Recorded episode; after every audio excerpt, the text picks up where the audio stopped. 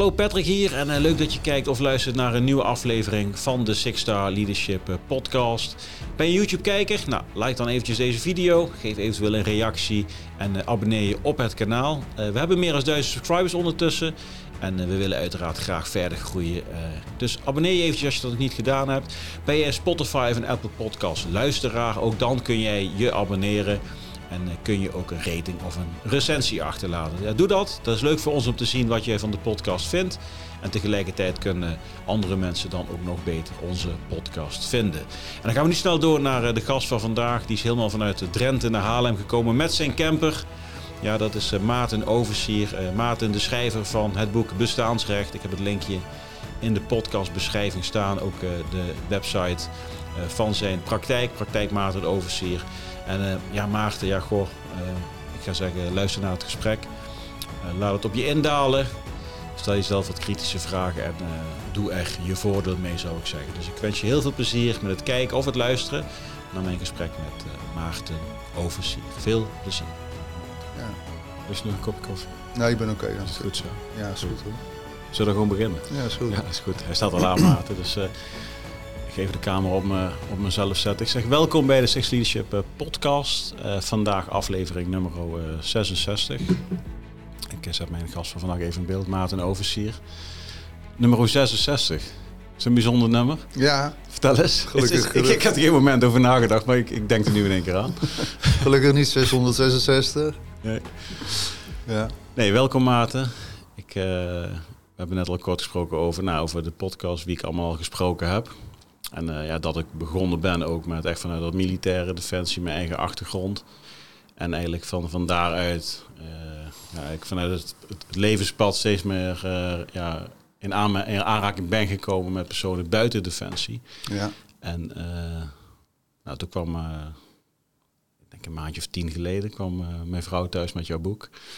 Oei, oei. Ja, en die zei van, ja, ik kan ook inschrijven voor een cursus. Ik zei, wie is die man dan? en toen, uh, toen zei ze van, uh, ja, het voorwoord is door Bob de Wit geschreven. Dat is natuurlijk een eerdere podcastgast hier. Ja, toen was ik natuurlijk getriggerd. Hè. Dus dat, begrijp je. ja, dat begrijp je. Hoe en kan dat samen gaan? Ja, dus ik, ik, moest, ik moest even wachten tot mijn vrouw uh, het boek had uitgelezen. Want als mijn vrouw leest, die bestudeert dan ook echt. Hè. Oh ja. en, en, dan lees ik hem stiekem mee, want ze gaat dan op de bank alles uh, tegen me aanhouden.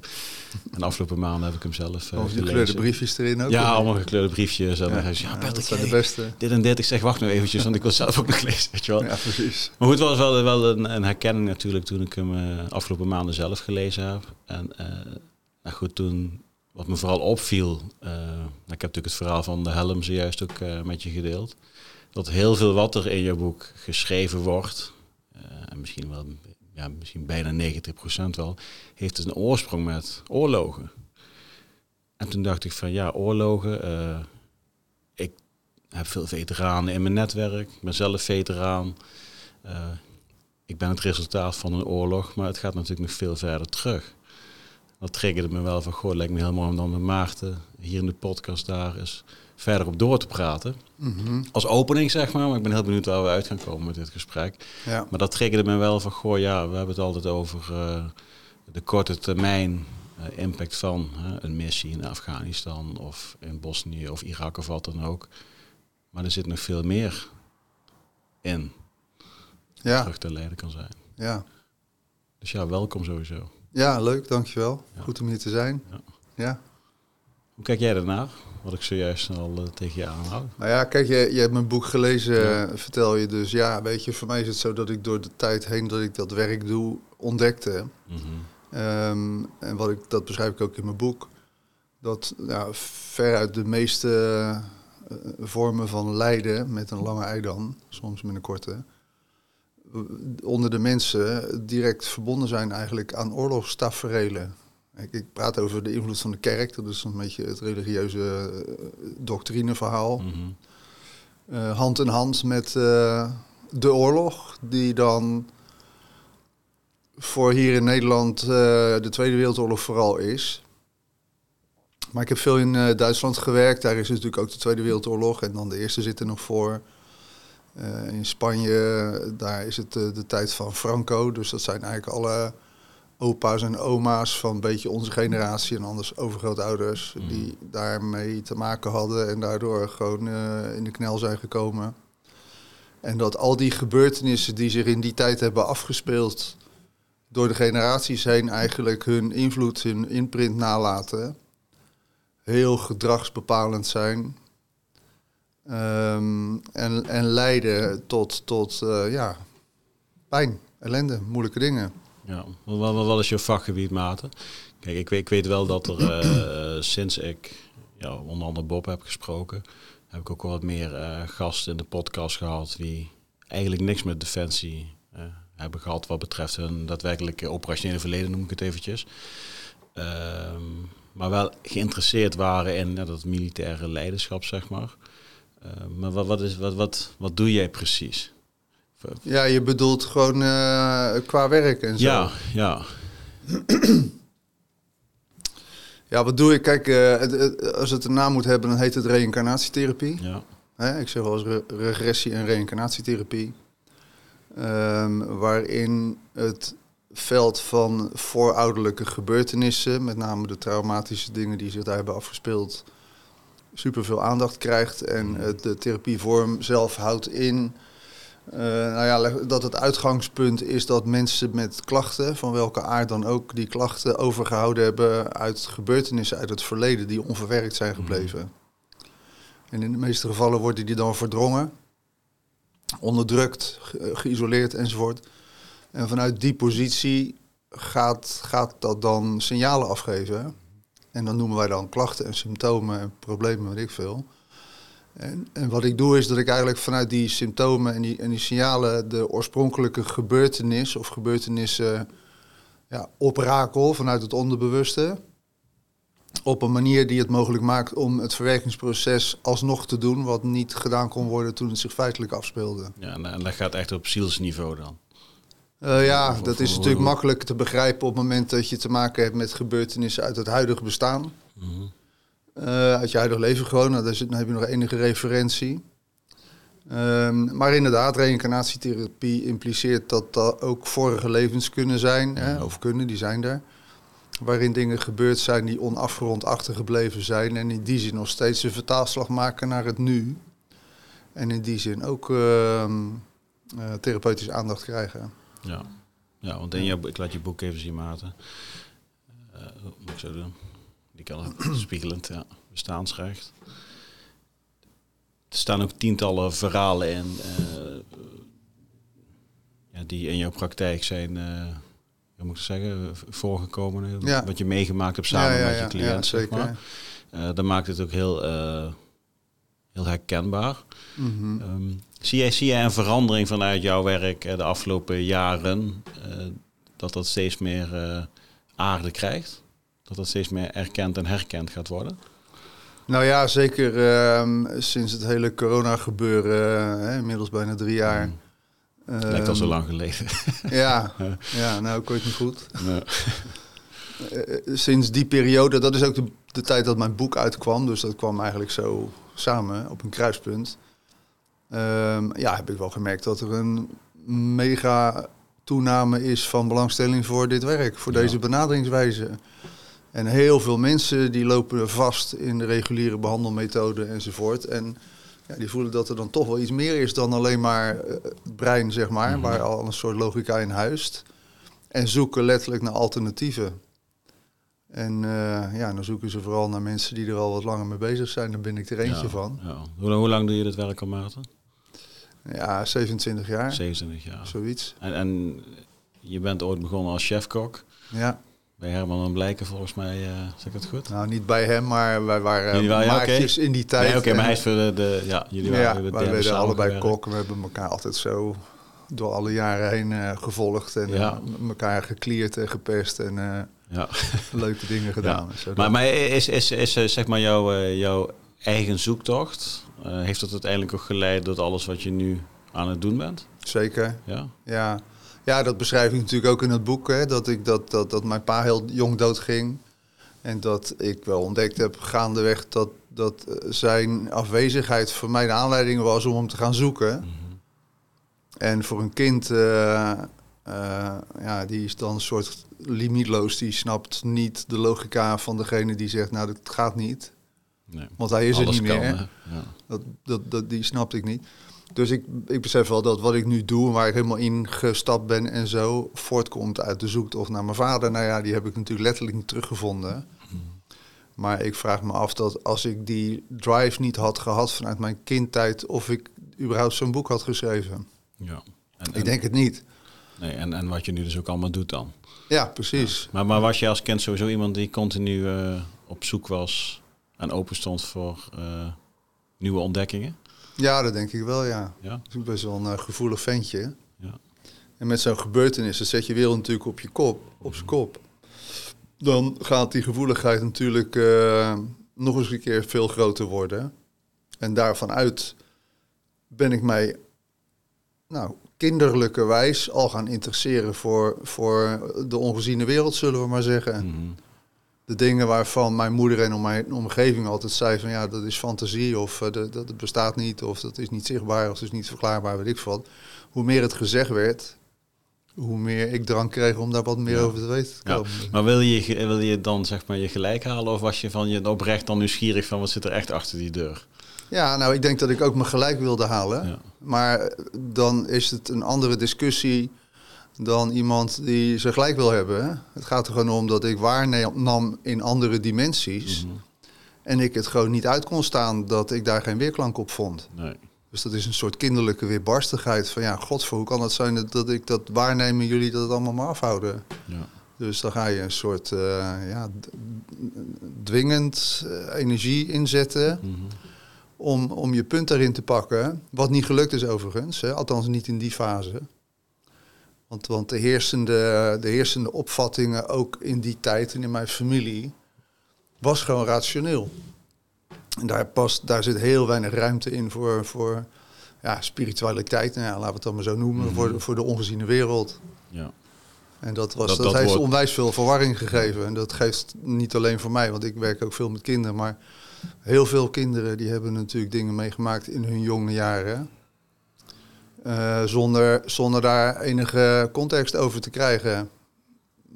Maar dat gaat allemaal ergens blijven. Hè? Dat gaat, gaat zich ophopen in jezelf. Mhm. En dat gaat soms ook ehm, een, een soort neiging creëren om juist daar dan heel erg dwangmatig van weg te willen blijven als je wat ouder bent. Mhm. Hè, maar ja, de dwang om er van weg te blijven gaat ook weer zorgen dat je vastloopt. Want zelfs de dingen die waar zijn, die gaan altijd Ja. aan je deurtje blijven kloppen. ja, dat is wel heel bijzonder wat je dus zegt. Ja, Want mijn moeder is ook jong overleden, wat ik, wat ik net ook al zei. je zei het, ja. Ik was zeven. Ik, heb daar ook foto's staan van mijn vader en mijn moeder. Een trouwfoto. En ehm, ik heb een broer. Mijn broer eh, Robin is tien, was hij destijds.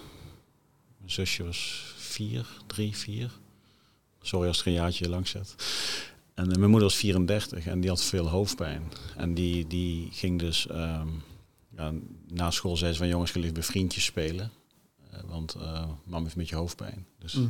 en die is toen rond een uurtje of half vijf met de palm op de grond gevallen. Hersenbloeding. Nou, dat was v- 1984.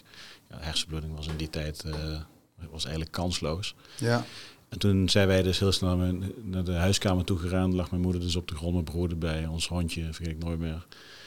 En eh, daarna eigenlijk nooit meer over nagedacht. ja. We gingen wel iedere week netjes naar de kerk waarschijnlijk. En de- Goeie reden om het leger in te gaan. Ja, Gestructureerde ja.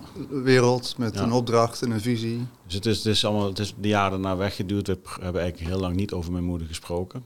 Alleen in de kerk werd dan een zinnetje opgeroepen en de mis is onder andere opgedragen aan. En dan kwam eh, de naam voorbij, eh, zeg Mhm. maar. Ja.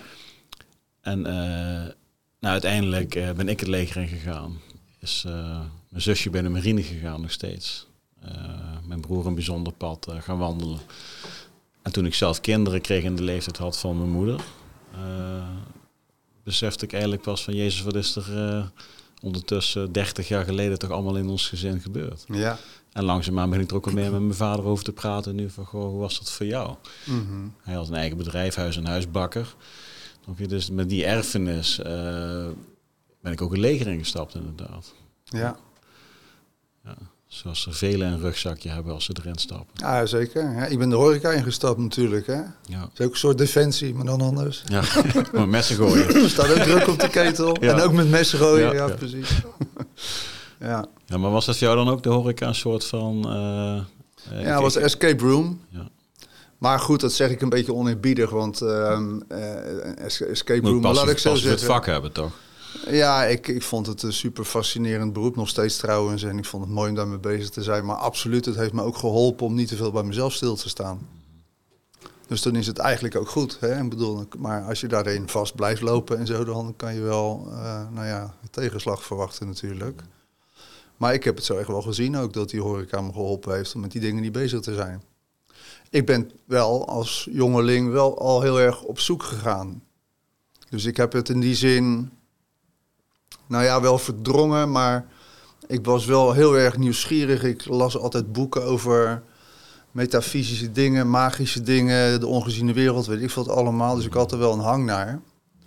Maar ja, in die tijd was het gewoon zo dat ik eigenlijk niemand in mijn omgeving had die ook die belangstelling had of die daarmee met wie je kon oplopen of zo. Dat kwam eigenlijk pas veel later. Ja, maar he- heeft dat je juist de mogelijkheid gegeven om het helemaal vanuit jezelf te gaan vinden? Of had je graag wel wat kruiwagentjes om je heen gehad? Maar als ik er zo op terugkijk, denk ik het wel. Had ik wel wat kruiwagens willen hebben, ja. Het heeft allemaal wel weer een betekenis. Maar ja, dat is natuurlijk in dit werk zo. Dat je altijd wel ziet dat dingen niet voor niks gebeuren. Mhm, Maar ik heb wel een onwijze drive gehad. Nou, ik nog steeds ergens. mhm. Om hiermee aan de gang te gaan. En ik heb ook heel veel eenzaamheid en, en onbegrip en, en pijn daarover gevoeld. Dat ik eigenlijk niemand in mijn directe omgeving had. Voor een kind is dat natuurlijk eh, je familie. Mhm. Geen, eh, geen oompje of een tantetje of dingetje of zo die, hè, die dat aanvoelden, waar ik, mee, waar ik mee kon uitwisselen en zo. Dat heb ik, dat heb ik wel eens heel pijnlijk gevonden, ja, Ja. ervaren. Ja, want je hebt vijf kinderen? Vier. Vier? Ja. Doe je dat met je eigen kinderen dan nu bewust anders om juist daar wel heel open eh, mee te zijn? Ja, ze zijn natuurlijk ermee omringd. Zoveel je kan, zeker, tuurlijk. Ja, het is logisch wat je zelf hebt meegemaakt en, en, en hè, de invloeden die er allemaal zijn, die bepalend zijn geweest. En dat probeer je natuurlijk anders te doen als je zelf vader wordt. Maar ik merk ook wel gewoon van, kijk, als je met deze materie bezig bent, dat heel veel dingen ook automatisch bespreekbaar worden. En dan voelt het ook logisch en normaal, weet je wel. Dus dan ben je niet bewust bezig het anders te doen dan dat je het vroeger meegemaakt Ja. hebt. Dus ik vind het gewoon wel prettig dat ik eh, tot op behoorlijke hoogte open ben over mezelf. En, ja. Ja. Is, Ja. is dat het eh, kwartje van Jeppe Janneke? precies. Toch, dat is hij toch, Wat goed dat je, dat je dat weet. Ja, het kwartje van Jippie Janneke. Ja, als hij eenmaal gevallen is, dan kun je Ik herinner me dat ik die zinnen daar aan voorafgaand opschreef. Dacht ik zo, zo, dat is wel een beetje ingewikkeld. Hoe kan ik dat nou weer, even- hoe kan ik het weer terugbrengen naar eenvoud? Maar Ja. dat, ja, dat, eh, Ja, maar dat is hij natuurlijk wel. En, en, en dat is misschien ook wel een beetje wat, wat de, de coronaperiode, laten we, laten we het zo even noemen, dan weet iedereen waar we het over hebben. In ieder geval, wij weten waar we het over hebben. ja. Eh, heel veel dingen zijn daar aan de oppervlakte gekomen. Of je nou links of rechts vindt, dat doet er even niet toe. Maar iedereen heeft daar zijn eigen oppervlakte voor gezien. Daarna is het ook heel moeilijk om het nog anders te gaan zien. En dat is een beetje ook de pre-fase waar we nu dan ook met z'n allen in zitten. ja. Hoe zie jij dat? Nou, hoe bedoel je? Want wat, wat ben je anders gaan zien? Nou, het, eh, ik, ik, ik weet nog dat ik... eh, eh, ik had Bob hier in de studio in maart 2020, net voor de verkiezingen was dat. En de podcast ging over, ja, de overheid is onbetrouwbaar. Dat was letterlijk de titel van de podcast. Nou, Ja. ik kreeg... eh, ik ben wat abonnees kwijtgeraakt en ik had er in die Ja, tijd ja, niet zo heel precies. veel. Dus ik dacht van, ik ga naar, naar de men toe, bij wijze van spreken. Ja, Ik kreeg ook mailtjes en berichtjes van, van collega-militairen van, goh, de overheid is onbetrouwbaar. Hoe kun je nou zo kijken naar eh, het apparaat wat we samen dienen of gediend hebben? Alleen nu zijn we drie, vier jaar verder. Dan zeg je, ja, ik kan ook niet anders meer kijken nu. Terwijl de mensen bij de overheid, dat is een ander verhaal. Dus ook, het apparaat is onbetrouwbaar. Die mensen dat per definitie niet, hoeft niet per se allemaal onbetrouwbaar. Kijk, en als je eenmaal op die manier naar de materie gaat kijken en je gaat het ook ervaren, en, en dan is het heel moeilijk om er nog anders naar te gaan kijken. ja. Maar ja, kijk, dat is de grondslag ook voor deze therapievorm, hè, als ik het zo kan zeggen. Want, want in wezen ehm, is, zit het zo in elkaar dat als je een klacht hebt van een bepaalde orde, maakt niet uit wat het is, of het is, ik zeg altijd, is emotioneel of eh, p- psychisch of lichamelijk, maar meestal een combinatie van die factoren natuurlijk. Dan is het wel waar dat zo'n klacht, zeg maar, ehm, gedragen wordt, ik zou bijna zeggen bestaansrecht krijgt, op basis van een aantal geloofsovertuigingen die daaraan verbonden zijn. Dus in die zin klopt het wel dat je bent wat je denkt. Alleen de gedachten die tot problemen leiden, zijn gedachten die ehm, eh, zeg maar als residuen van traumatische ervaringen over zijn gebleven. Hè, dat is het punt. En dat, dat, dat, dus als je het over oorlog hebt bijvoorbeeld, er zijn natuurlijk in, in hoeveel oorlogen dan ook heel veel jonge mensen geweest die dachten, die dachten eh, dat je voor volk en vaderland moet vechten. Hè? En, en die gedachte die hield ze op de been onder de meest extreme omstandigheden. Maar de vraag is niet dat. De vraag is eerder van, hoezo moet je voor volk en vaderland vechten eigenlijk? Waar, waar is die gedachte eigenlijk op gebaseerd? Wat is de logica daarachter? Nou, als je dan gaat opzoeken wat dat dan is, dan zijn dat natuurlijk indoctrinatiesystemen die jou dat onder allerlei omstandigheden proberen duidelijk te maken. En, en als jij eenmaal in zo'n geloofssysteem gestapt bent en je gaat daar je rol in spelen, in welke verantwoordelijkheid dan ook en met welke consequenties dan ook, nou, daar weet jij meer van dan ik wat je allemaal kan overkomen in zo'n apparaat. Ja, dan is het aannemelijk dat jij in een bepaalde fase tot hier in de shit komt te zitten. Misschien heb je al iemand om zeep geholpen. Of misschien heb je dingen om je heen zien gebeuren waar je je verantwoordelijk voor voelt. Ik weet het allemaal niet. En die zaken die maken dat je veel langer in zo'n systeem vast blijft zitten dan je vanuit je ziel eigenlijk misschien wel zou willen. Want dat, ik ga dat voor jou niet invullen, maar er zijn ook van die momenten dat je denkt, maar god, ik wil hieruit. Maar je kan niet, want je zit er nou in vast. Kijk, en dat is natuurlijk het punt met die oorlog, en dat beschrijf ik ook in mijn boek.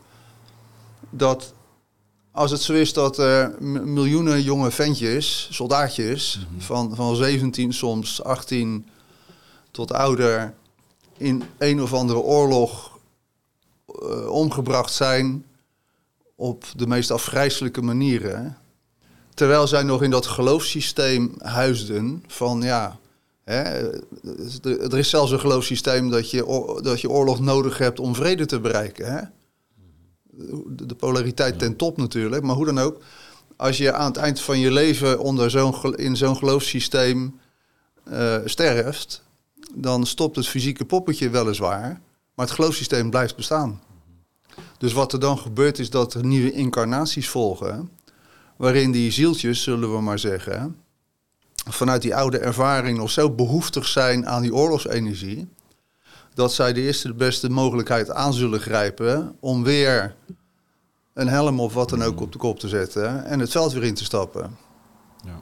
En op die manier, in feite krijg je dan een soort extension, een soort uh, een verlenging.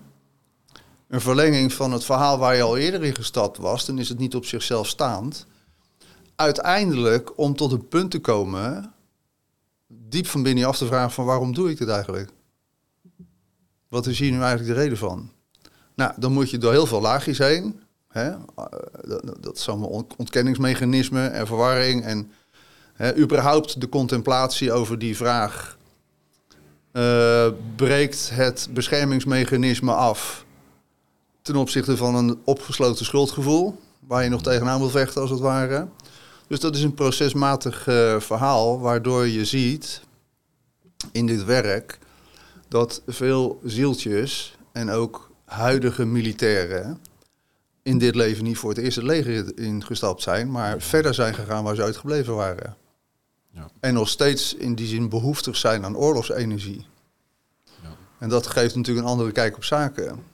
En ik kan het zo zien op basis van die duizenden verhalen die ik gehoord heb. Mhm. Hè. En dan is het niet zozeer mijn theorie, het is meer de conclusie uit alles wat ik gezien heb. Maar dat maakt wel iets logisch, omdat op het moment dat mensen voelen daaruit te stappen, op welke manier dan ook, de verwerkingsprocessen te kunnen doormaken waar ze eigenlijk wel heel lang behoefte aan hadden. Ze ook voelen van jeetje, wat een enorme bevrijding geeft het, dat ik nu niet meer hierin hoef te zitten. Mhm. En dan is ook de overtuiging die heel lang ervoor gezorgd heeft dat iemand daarin wel in vast zat van ja, dat doe je voor volk en vaderland. Of om vrede te bereiken heb je oorlog nodig of ik weet niet wat allemaal ja, die, die vindt helemaal geen grond meer dan. Hè? Dus dan kijk je dan op terug en denk je, ja, ik geloofde dat toen zo. Maar jeetje, dat is uh, wat, een, wat, een, waanzin is dat eigenlijk. Hoe, hoe, ervaar jij een ruimte zoals dit? Want er zijn natuurlijk heel veel uh, foto's van militaire uh, wat voertuigen, Afghanistan, zie ik dingen staan. Ja, nou, ik vind het fascinerend. Mhm. Ik zie, ik zie, ik, ik, ik zit nu bij jou, dat vind ik hartstikke leuk. Je hebt me verteld wat je doet en waar, wat, je, wat je al meegemaakt hebt. Maar kijk, dan is het, het het militaire terrein, zullen we maar zeggen. Ik zie dat als een soort levensdomein. Hè, dus ik zit nu bij jou, bij wijze van spreken, zit ik de volgende dag bij een priester die in een kerksfeer zit. Mhm. En dan zit ik daar met een chef-kok die in de kook- kookwereld zit. En zo, dat zijn allemaal levensdomeinen Mhm. waarin je voor een bepaalde periode je aan kunt committeren, in welke vorm dan ook, om een aantal eh, diepe levenservaringen op te doen. Ja, en hoe je lang je daarin wil zitten of hoe lang niet, dat is aan iedereen. Ja. Maar ik kan dat zo in die zin wat observeren. Mhm. Dat eh. Ja. Nou, even wat wel. ehm, ik ging vroeger als soldaatje spelen. Ja. eh we Tour of Duty kijken en deed ik eh, de Amerikaanse M16 eh, deed ik dan namaken met vriendjes. ja, En eh, ik woonde destijds in Groesbeek, eh, aan de grens van een Duitsland. plekje daar ook. Ja, Ja. dat is natuurlijk Market Garden, dat is een heel mooi gebied allemaal daar. Ja. En dan ging ik met, met mijn moeder en mijn broer en dan gingen wij hulzen zoeken. En het, dat was gewoon, dat deden wij voor kinderfeestjes, gingen wij hulzen zoeken, zeg maar. Ja. En wij gingen naar het Oorlogsmuseum in Overloon met kinderfeestjes. En dus wat dat betreft is dat van jongs af aan, die connectie met Defensie was er altijd al. Ehm, toen ben ik eh, maar een jaartje vijf, zes geleden bij ja, Gerda heet ze, een dame die kan eh, vanuit de geboortedatum kan ze heel mooi eh, lezen nou, wie ik ben, waar ik vandaan kom. wat, wat mensen zeggen, ja, je bent echt een krijger. Je bent een krijger. Dat was heel krachtig, dat was duidelijk. En toen heb ik een, ma- een jaartje geleden iets minder een dame ontmoet, Judith. Moest jou de groeten doen van Judith, bij deze Judith. Ehm, eh, zij loopt bij een, collega van jou, ergens in Maastricht volgens mij, eh, waar ze ook regelmatig naartoe gaat. En eh, zij zegt dus van ja, wij hebben elkaar vroeger gekend als, als, als militair, Mhm. Judith en ik. Dus in die tijd was ze waarschijnlijk een mannelijke militair, ga ik even vanuit. Kijk, en, en, en wat ik nu ook aan mezelf merk, dat ik eruit ben, Maarten. Wat je ook zei, van, eh, die moet levens afmaken. Ehm, ik merk dat ik de verbinding aan het kwijtraken ben met het militair zijn. ja. Ik, ik haal ook steeds vaker de foto's achter me, achter me waar ik rete trots op ben. Dat ik het, het geeft me ook iets waar ik echt eh, heel veel aan heb gehad, zeg maar. Ben ik ook steeds meer van, ja, maar het is niet meer de Patrick wie, wie ik misschien was toen ik ze aan het ophangen was. ja, Het, het past niet meer bij misschien diegene wie ik, eh, toen was. ja. Mhm. Kijk, dus het is ook een proces dan, zeg maar. eh, Zeker. eh, maar hoe, hoe, hoe ga je dat bewust plaatsen dan, als, als individu? Kijk, want je hebt heel veel veteranen die het leger uitgaan die ja, PTSS-klachten hebben. Niet heel veel, maar een aanzienlijk aantal. Eh, hoe kunnen zij dan zeg maar, hun verleden gaan gebruiken of inzetten om, om daar ook gewoon een zoektocht mee Nou ja, kijk, laat ik vooropstellen, ik, ik, ik, ik, ik wil niet iets ervan vinden of zo van het, van het hele militaire gebeuren. hè. Maar goed, eh, er zit natuurlijk Je wel... bent zelf misschien ook ooit militair geweest. Nee, nee, Dat niet, nee, nee. nee, nee, Nee. nee. Ik, ben, eh, ik hoefde niet in dienst. Nee. Maar eh, nee, daar ben ik niet geweest. Kijk, ik heb wel veel met mensen gewerkt die in, in de militaire service in dit leven... en zeker in eerdere levens alles hebben meegemaakt. En wat ik zeg, ik heb denk ik 7, 8 jaar in Duitsland gewerkt. Intensief op basis van dit werk. Nou, je kent geschiedenis wel. Er is wel wat gebeurd. Er is wat gebeurd. Dus ieder, ieder eh, student, zeg maar, ehm, had wel een vader of een opa, in ieder geval, die in de Tweede Wereldoorlog eh, het Duitse leger heeft eh gesurfd, zeg maar. Nou, niet zeg maar, gedaan, Ja. punt NL. Ja. .de, ja. Maar dan hoor je wel wat. Kijk, dus ik, ik, ik wil er niets van vinden. Het is natuurlijk wel zo dat wat ik jou hoor zeggen... is dat jij er op eigen kracht uitgestapt bent op de een of andere manier. Terwijl er natuurlijk heel veel mensen dat niet doen. Hè? De, om allerlei redenen vast blijven zitten. Zeker in oorlogsomstandigheden. Hè? Dus dat betekent... Want ik hoorde jou aan het begin van het interview zoiets zeggen van... ik ben ook wel een product van de oorlog. Hè? Weet je dat je dat zei? Ja. Dus dan denk Ja. ik van ja, hoezo? Weet je, dus veel mensen die hebben zich dermate geïdentificeerd natuurlijk met zo'n structuur. Mhm. Dat ze er zodanig in op zijn gegaan, daarbij hun identiteit zijn kwijtgeraakt. Hè, en daarmee een hele andere hebben aangemeten gekregen. Waarbinnen ze functioneren en doen en Waarbinnen allerlei eh, spelregels zijn en sociale dingen enzovoort. Maar goed, een keer, laat ik zo zeggen, voor een ziel die incarneert door verschillende levens heen, is het een keer of een aantal keren zijn van militair slechts een ervaring. Waar die ziel conclusies uittrekt. Dat is het punt. En, en ja, wat je dan meemaakt in zo'n sfeer, dat, dat, dat stop je als het ware in je ervaringenbundel. En van daaruit kun jij besluiten van ja, kan ik hier nu nog mee verder? Heb ik nog genoeg munitie om door te pakken? Of trek ik het gewoon niet meer? Nou, daar gaat het om. En jij kan het gelukkig navertellen, want er zijn natuurlijk ook zat die dat niet meer kunnen. Zou dan de, de link met mijn moeder en die helm wat ik vertelde, is dat dan onderdeel van het verhaal? Is dat ja, vind ik, vind ik vrij aannemelijk als je het zo vertelt. Ja, de mensen in de interview weten niet uh, welke link je nu legt, denk ik. Nee. Maar uh, ja, tuurlijk. Ja. Ja, die, nou, goed, ik misschien even kort dan. Ik, ik heb ook wat eerder podcasten gedeeld. Nou, ik ben tijdens een vuurgevecht mijn helm verloren. onder vuur. Dus de, de, kogels en de granaten vlogen rond. Ik ben die helm uiteindelijk gaan ophalen, want iets in mij zei van ik moet terug gaan om die helm op te halen. En later heb ik een inslag gehad op die helm. En later dacht ik van, goh, dit, uh, dit, dit is naar me toegekomen met een reden. En dat is me vanaf dat moment ben ik ook anders gaan kijken naar, ja, naar het aardse leven, zeg maar. Omdat er dan toch meer connecties zijn met dingen die ik niet zie. Uh, en dat is voor mij was dat op een gegeven moment was dat gewoon een no-brainer dan. Kijk, en, en dan ook zeg maar... Een no-brainer, zeg je? Ja. Ja. Ja. Wat bedoel je daarmee? Nou, ik vroeg me eens af wat jij ermee bedoelt. Een no-brainer, dat is, een militaire term dat je kop uit elkaar valt, niet? Nee, nee no-brainer is gewoon zo logisch als wat. Nou zo, ja. ja. gewoon no-brainer. Nee, nee, nee, nee, geen no-brainer. Nee. nee, maar omdat ik uh, moest denken aan je moeder die wel in haar hoofd uh, uh, waar ja, ging. Nee, ja, ja, ja. Toevallig gebruik ik dat woord. Geen toeval. Maar... Nee, nee, goed. Ja. Maar wordt niet te zweverig. Maar... Nee, nee. Nee, maar dat is, dat is heel bijzonder. En, en ik heb dan ook. Uh, kijk, de oorlog in de Oekraïne kwam natuurlijk iets meer dan een jaar geleden. En is ja, ook geen toeval. Precies vandaag maart is de 74e verjaardag van de NAVO. Daar heel toevallig lees ik vlak voordat je binnenkomt nieuwsbericht. De NAVO bestaat, heeft vandaag zijn verjaardag. Ja. 4-4-1949. Dus ja. Ik was niet van plan om het actief te gaan vieren hoor. Nee, nee, maar dat zijn ook van die instituten die uh, destijds allemaal zijn ontstaan en waar we nog steeds heel veel uh, aan ophangen. Vlak na de oorlog, hè? Ja. ja. Hoe zie jij dat dan, wat er allemaal dan ontstaan is? Was er dan een basis van angst en moesten zo, was dat ook een moment, zeg maar, de. Nou ja, laat, laat ik zo zeggen, kijk, ik wil me niet te veel laten verleiden in politiek te gaan. Ik heb natuurlijk best wel wat uitgezocht, maar. Mhm. Ik, ik ben vooral uh, natuurlijk geïnteresseerd in, in het therapeutisch werk of de zaken die voortkomen uit dat soort velden, mm oorlogsvelden en zo. Maar ja, ik weet wel natuurlijk dat er na de Tweede Wereldoorlog allerlei grote organisaties opgericht zijn.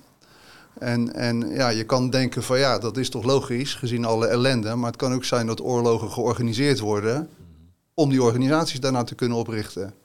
En als je ziet hoe grote vingertjes zijn die ze nu in de pap hebben ten aanzien van het hele wereldveld en je kijkt even wat langer, wat, wat onder, zeg maar in de grotere schaal, dan ontvouwt zich een hele andere logica in de oprichting van al dit soort instituten.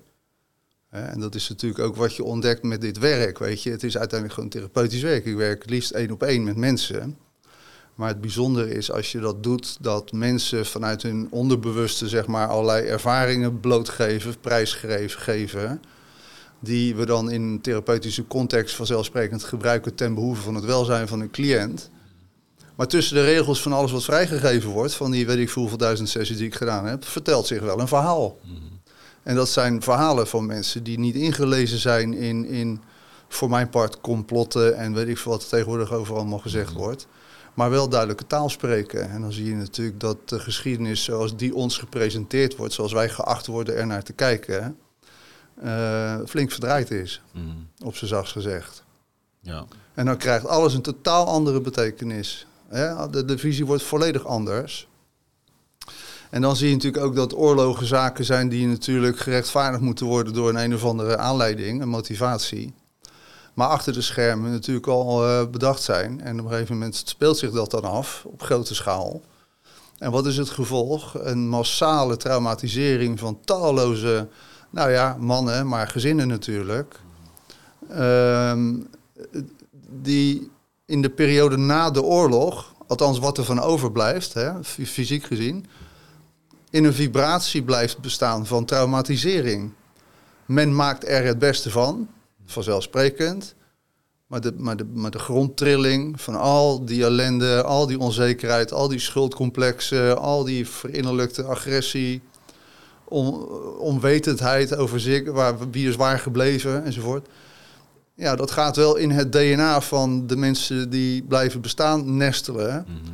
En het beïnvloedt het DNA van de nieuwkomers. Dus dat zijn nieuw geïncarneerde mensen, waarvan er heel veel ook uit die oorlog terugkomen. En wat je dan ziet, is natuurlijk een, een, een mensheid die op die onderlagen gewoon in feite nog in oorlog zitten.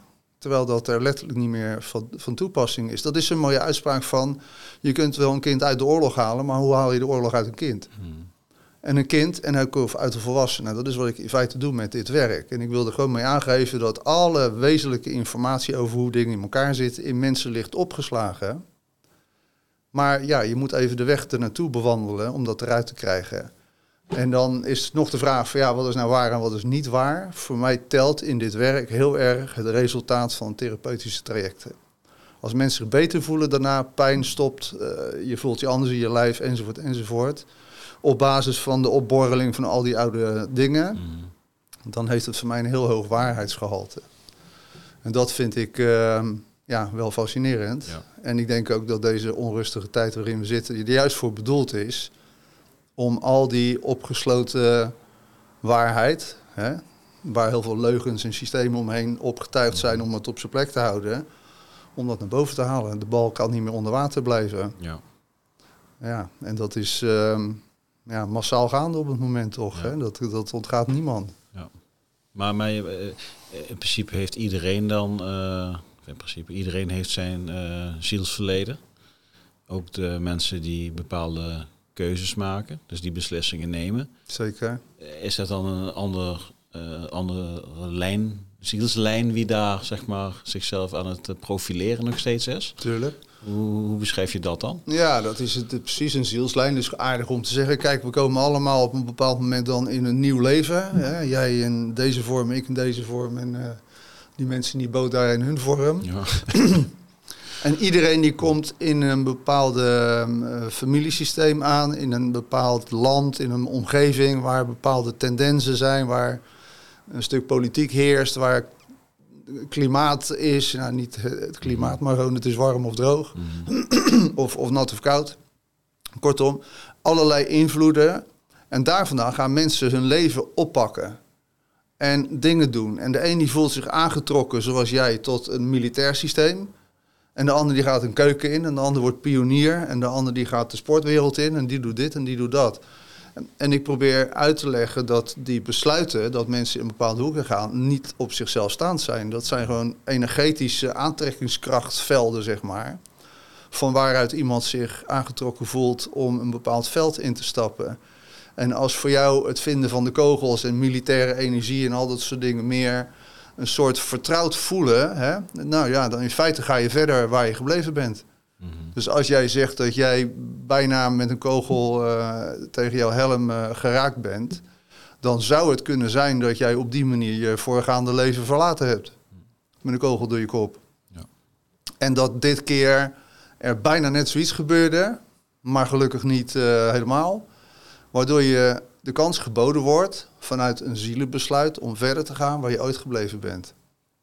En nu een schwung te geven aan je behoeften of noodzaken of hoe je het wil noemen, een militair apparaat te, uh, te dienen. Je doet nu andere dingen tenslotte. Zo werkt het in grote lijnen. Zo komt iedereen in een bepaalde positie te zitten in zijn of haar leven.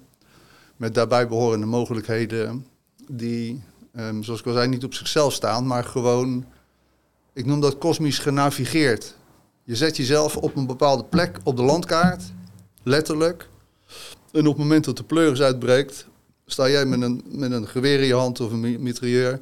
De ander staat in de supermarkt, de een ligt net in het zwembad, de ander zit op de play. Eh, om maar aan te geven dat we allemaal een eigen positie hebben. Maar dat die posities zielsmatig gekozen zijn en dat je daarvan uit je beslissingen en je keuzes te maken hebt. Goh. Om, een, om verder te gaan waar je ooit gebleven bent. Mhm.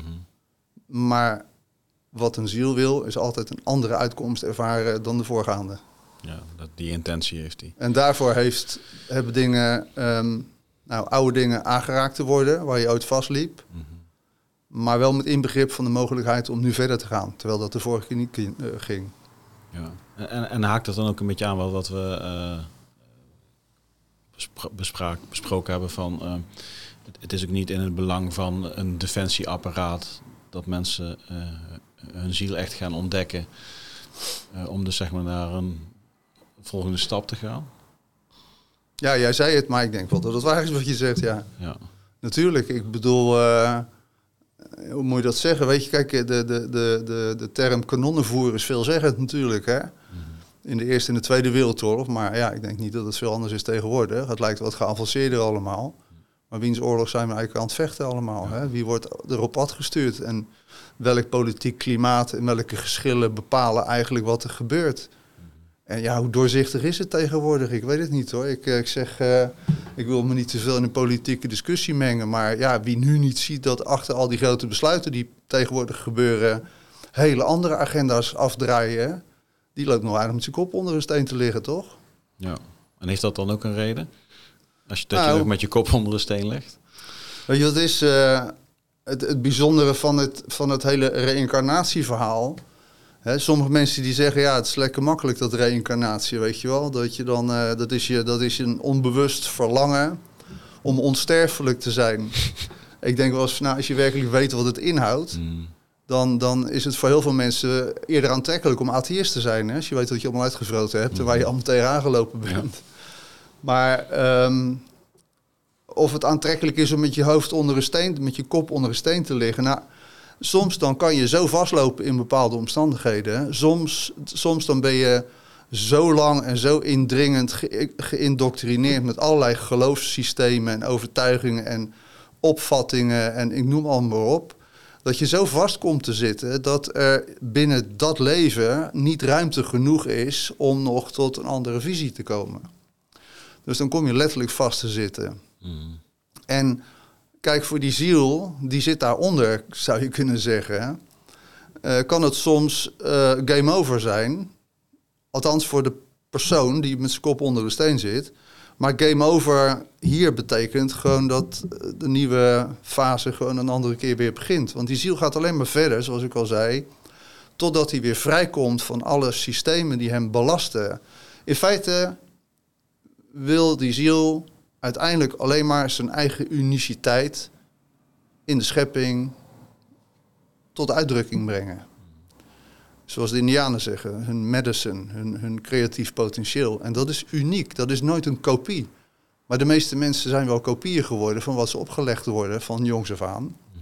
En dat kan je lang meemaken of doen, maar je ziel Maar wordt er frustreert, verdrietig van. frustreert, dat de ziel, frustreert dat de ziel niet? Ja, de ziel, ja, voor, voor, zover, eh, voor zover een ziel zich kan laten frustreren. Vanuit de ziel is het gewoon een ervaring die je doet, Ja. Waar uiteindelijk bepaalde conclusies uitgetrokken worden. En die conclusies zijn van ja, ik heb dit nu meegemaakt. Ik heb gevochten, ik heb gedaan, ik heb gezus en ik heb gezout. Maar ik heb niet gevoeld gedurende dat traject dat ik mijn eigenheid heb in de schepping heb kunnen zetten. Dus dat voelt, dat voelt verdrietig aan. Ik weet dit nu, want ik heb heel lang gedacht dat het wel zo zou zijn. Dat ik er op deze manier ongelooflijk toe deed. Maar dat voelt uiteindelijk helemaal niet zo. Dus wat kan ik nu gaan doen? En binnen dat veld, het militaire veld, gebeuren natuurlijk heel veel mooie dingen. Maar de mooie dingen die er gebeuren, die hebben veel meer te maken met het doorbreken van bepaalde angsten. Of er voor elkaar kunnen zijn. Of een liefdevol gebaar maken naar de mensen waar je toevallig bent. Je bent in Afghanistan geweest. Allemaal van die menselijke moves die binnen een militair systeem niet per se verwacht worden. Maar die op zielsniveau er ongelooflijk wel toe doen. Waarmee je vaak ook vereffeningen doet met eerdere keren dat je iemand bijvoorbeeld onnodig voor zijn kop schoot of zo, weet ik veel. Ja. Om even grof te zeggen. Dus, maar ik wil alleen maar eens aangeven, militair of niet, want het gaat niet alleen maar daarom. Je stapt op een ge- gegeven moment in zo'n veld, meestal aangestuurd door organisaties daarboven, ehm, om een serie ontdekkingen te doen. En misschien heb je een aantal keren nodig een oorlogssituatie te hebben om beide kanten van een medaille meegemaakt te hebben. Enerzijds als een, als een, als een hondendrol in de loopgraven te liggen, om vervolgens te besluiten generaal te worden, zodat je nooit meer in zo'n shitzootje komt. Dan heb je beide kanten van dezelfde oorlog meegemaakt. Maar in beide gevallen denk je, ja, waar ben ik nou eigenlijk mee bezig? Ik wil nu eigenlijk leuke dingen gaan doen. Iets waarvan ik echt voel dat mijn uniciteit in de schepping een, plek, een plekje krijgt. Zo zie ik het verhaal er een beetje achter. Ja, dus, dus kijk, als we naar de, de oorlog in Oekraïne kijken, Maarten. Ik kreeg meteen allemaal, eh, ja, wat vind jij ervan? Ik vind daar niks van. Wat moet ik daarvan vinden? Ik zeg maar ja, dit is, dit is, ik, zeg, ik heb meteen al gezegd, dit is ook het moment om het anders te doen. Ja. Dus als we eh, gaan reageren zoals we om de 30 jaar reageren, dan gaat er uiteindelijk weer een soort van wedloop van geweld worden. Eh, uiteindelijk ontstaat er een padstelling, wordt er een muur gebouwd. Ja, Zijn er honderdduizenden mensen eh, waarschijnlijk gesneuveld. Gaat er een hele hoop geld naartoe. Eh, ja, als we dat niet willen, is het misschien ook eens de moeite waard om de korte termijn de pijn te pakken en besluiten om niet meer mee te doen. Wij, Ja. wij doen dit niet meer. Wij, ik vind, ik vind die, eh, er stond eh, zo'n mooie uitspraak van Loesje op zo'n kaart. Loesje. Mhm. Die zei van, stel er breekt oorlog uit en niemand gaat er naartoe. Ja. Heel veelzeggend. Dus ik zie het eigenlijk zo van, zolang er oorlogen aangejaagd worden, gecreëerd worden...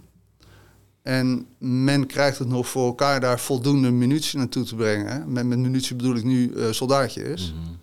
dan hebben die soldaatjes kennelijk behoefte om nog steeds een ervaring door te maken in zo'n veld. Ja. En in die zin draagt iedereen uiteindelijk zelfverantwoordelijkheid.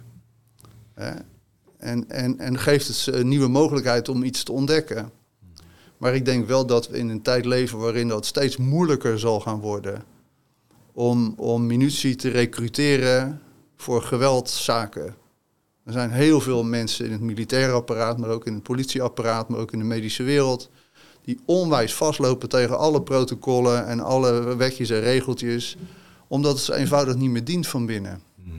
En dat is een sein van deze tijd. Het is pijnlijk genoeg natuurlijk, maar vandaar dat ik denk dat er ook zoveel dwang en zoveel agressie bovenop zit om iedereen nog steeds in zijn, in zijn, in zijn pakje te, te proppen. Ja. Maar van binnen is er ook een zielenrevolutie, zeg maar, gaande. Want die voelen van ja, joh, we lopen al zo lang te stoeien in dit soort thema's. We verlangen ongelooflijk naar iets anders. We hebben ons tot hier geconformeerd met die oude patronen, maar we willen verder, weet je. Dus ja, dan worden dingen in zo'n eindtijd natuurlijk altijd extra extreem uitgespeeld. En dan zitten we gewoon nu middenin. Ja. Maar Ja, uiteindelijk is het een kans voor iedereen om een ander besluit te nemen dan die ze voorheen namen.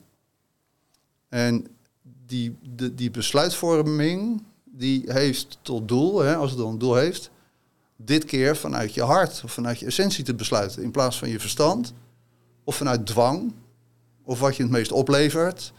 Al dat soort dingen. Vandaar dat mensen op, op- in deze tijd meer dan ooit eh, geconfronteerd worden met die hele diepe be- beslissingen.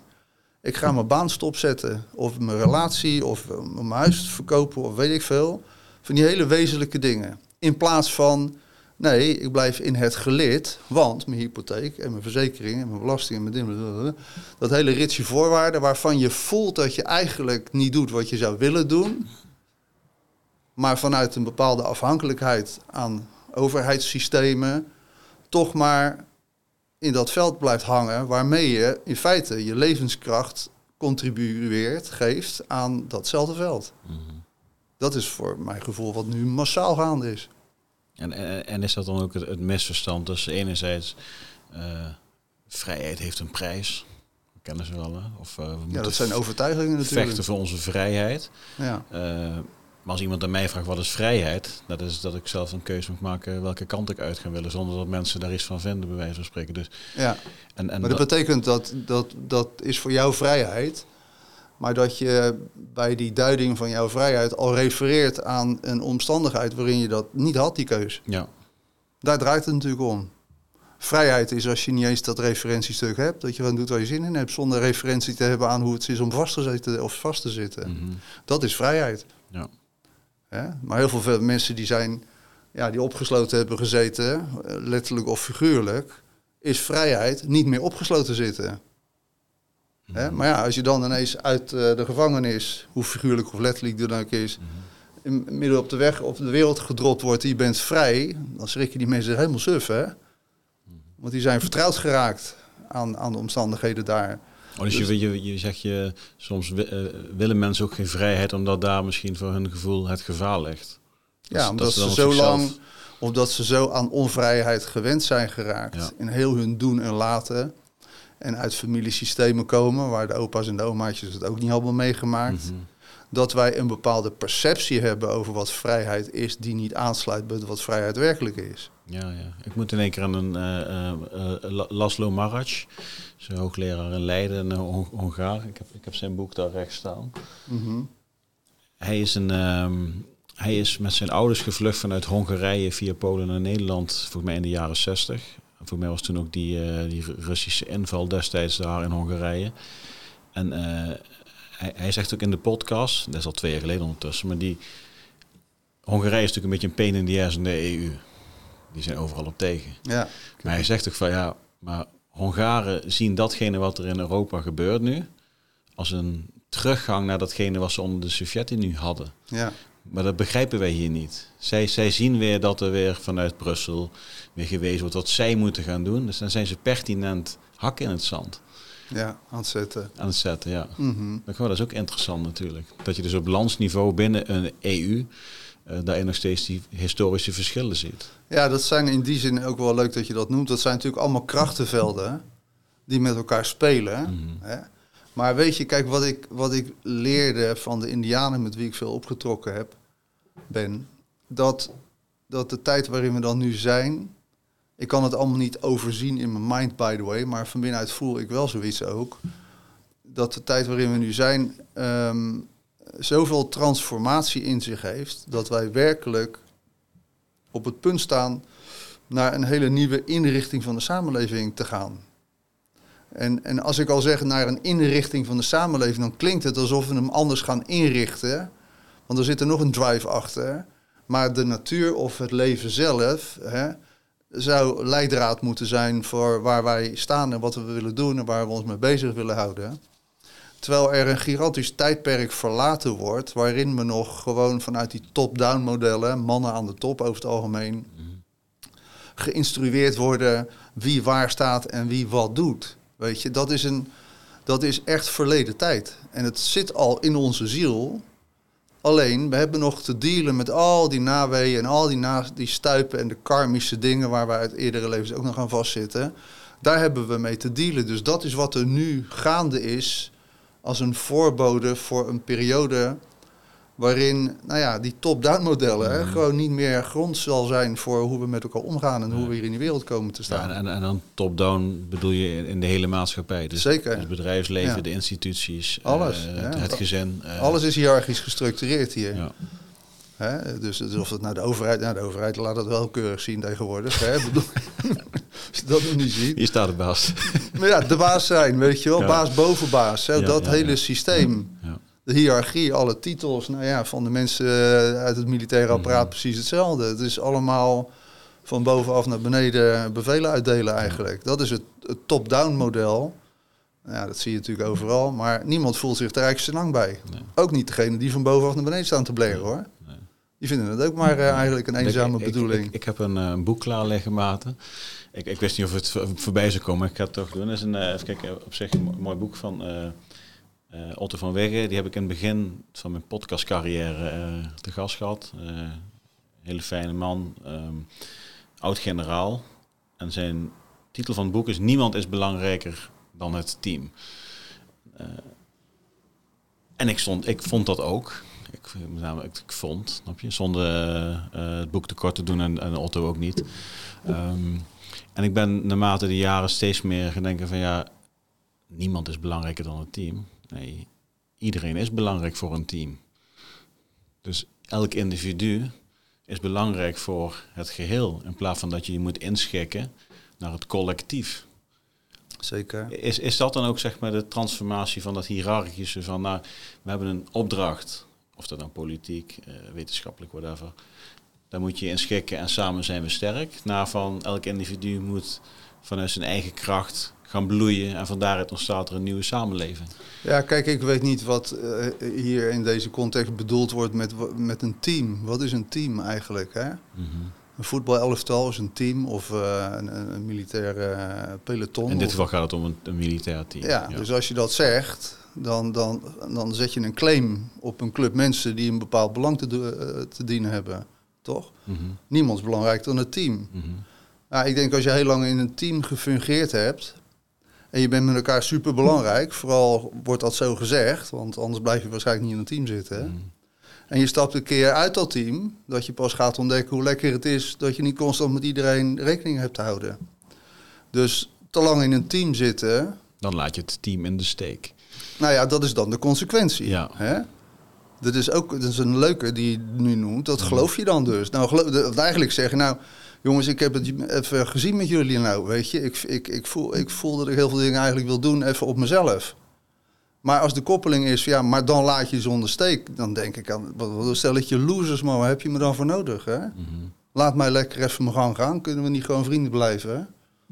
Maar is, kan dit ook een, een, een motivatie zijn voor eh, een individu om ergens te blijven zitten waar hij eigenlijk uit wil, Tuurlijk. maar blijft hangen omdat hij onderdeel is van dat team. Ja. En als hij eruit stapt, dat hij zijn hele sociale Nou veiligheid ja, je weet het toch, het hele militaire apparaat is gebaseerd erop. Broeders eh, allemaal eh, met elkaar en dit en dat, al die afspraken.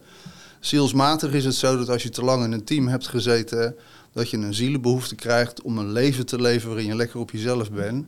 En een dikke vinger opsteekt naar iedereen met wie jij wil, die, die wil met jou samenklitten, zeg maar. Ja. En dan denk je, oh, dat is ook lekker zeg. Hey, dit is vrijheid. Even zonder een gemeenschappelijk doel. En zonder een of andere figuur met allemaal dingen die staat te zeggen wat we moeten doen. Even zo, ik kan een scheet laten wanneer ik wil. Enzovoort, enzovoort. Dat is de intrinsieke behoefte van een ziel. Als die heel lang in een team gefungeerd heeft. Want dat is ook niet een zielenbehoefte. In een team fungeren. Hè? Het is slechts een ervaring. Je kunt het een tijd lang doen. Je bevindingen eruit halen. Om vervolgens weer verder op pad te gaan. Ja. Maar, een ziel kiest wel zijn plek in het nieuwe leven. Voor mij schrijf je dat toch ook? Dat Mhm. een ziel zijn ouders kiest. Zeker. Daar zit context omheen. Ja, zeker. De- Dus het kan wel zijn dat een ziel bewust een omgeving op gaat zoeken waarin die dan weer in een teamachtige omgeving. Ja, wellicht om er dan uit te stappen. Hè? Ja, Aanvankelijk zoekt hij dan een teamachtige familie op met teamthema's. ja, Hè? Maar juist omdat hem dat herinnert aan de keer daarvoor dat hij er helemaal in vastgeklonken zat. En nu voelt hij dat weer, alleen dit keer, en dan zal zijn vader de generaal zijn, want die wil iedereen bij elkaar houden. Zal hij in opstand moeten komen tegen die generaal door te zeggen: Hé pa, je kan maar wat, ik ga mijn eigen weg, doei. Maar dan is het wel de ideale vader, de oude generaal representerend waarvoor je kroop, dankzij wie je nu kan besluiten je eigen weg te gaan. En als je dat dan doet, in het gunstigste geval, zegt pa later meestal tegen jou: Goh, ik vind wel dat je moed gehad hebt. Eigenlijk had ik dat best ook willen doen vroeger, maar ik had de moed er niet voor. Ik was super kwaad op jou dat jij je eigen weg wilde, maar in feite voelde ik gewoon mijn eigen pijn. En dan zeg je: Pa, topper, ik hou van je. Maar meestal komt dat postuum, hè? ja. Dan is pa al dood. In de Maar- kerk. In de Eventueel, kerk. eventueel. In het boekje. Nee, maar begrijp je, zo, zo werkt die logica Ja. inderdaad. Dat je terug incarneert in een familiesysteem... waarin je in beginsel de thema's terugvindt van hoe je ze verliet ooit. En het gaat dus niet allemaal om ellende, hè, want dat neig ik wel eens de indruk te wekken met mijn therapeutische we maken, we maken ook mooie dingen mee. Er zijn ook zat mooie dingen, eh, vanzelfsprekend. Maar als jouw behoefte vanuit een militair verleden uit een oorlog, wat, wat dan ook is, van joh, ik wil eigenlijk eruit breken, ik wil vrij zijn. Terwijl je dat toen niet meegemaakt hebt, omdat je op een granaat stapte, of weet ik veel wat je meemaakte. Dan is het handig om in een familiesysteem te reïncarneren waar een hoog oorlogsgehalte in zit. Sowieso, omdat bijvoorbeeld opa het leger diende, of je vader, of ik weet niet wat allemaal. Zo dan krijg je al die energie weer lekker op je bordje. Maar op een diepere laag pak je nu het anders aan. Dan zeg jij, maar ik ga mijn eigen weg. Ik ga dit doen, of ik ga dat doen, ik ga de wijde wereld in. Ja, maar dan laat je de familie in de steek. Ja, hoezo? Ik mag toch gewoon doen wat ik zelf zin in heb? Hè? Een paar gaan zeggen, ja, je laat de boel in de steek. Dat herinnert je aan de vastgezette overtuigingen zoals je die toen had.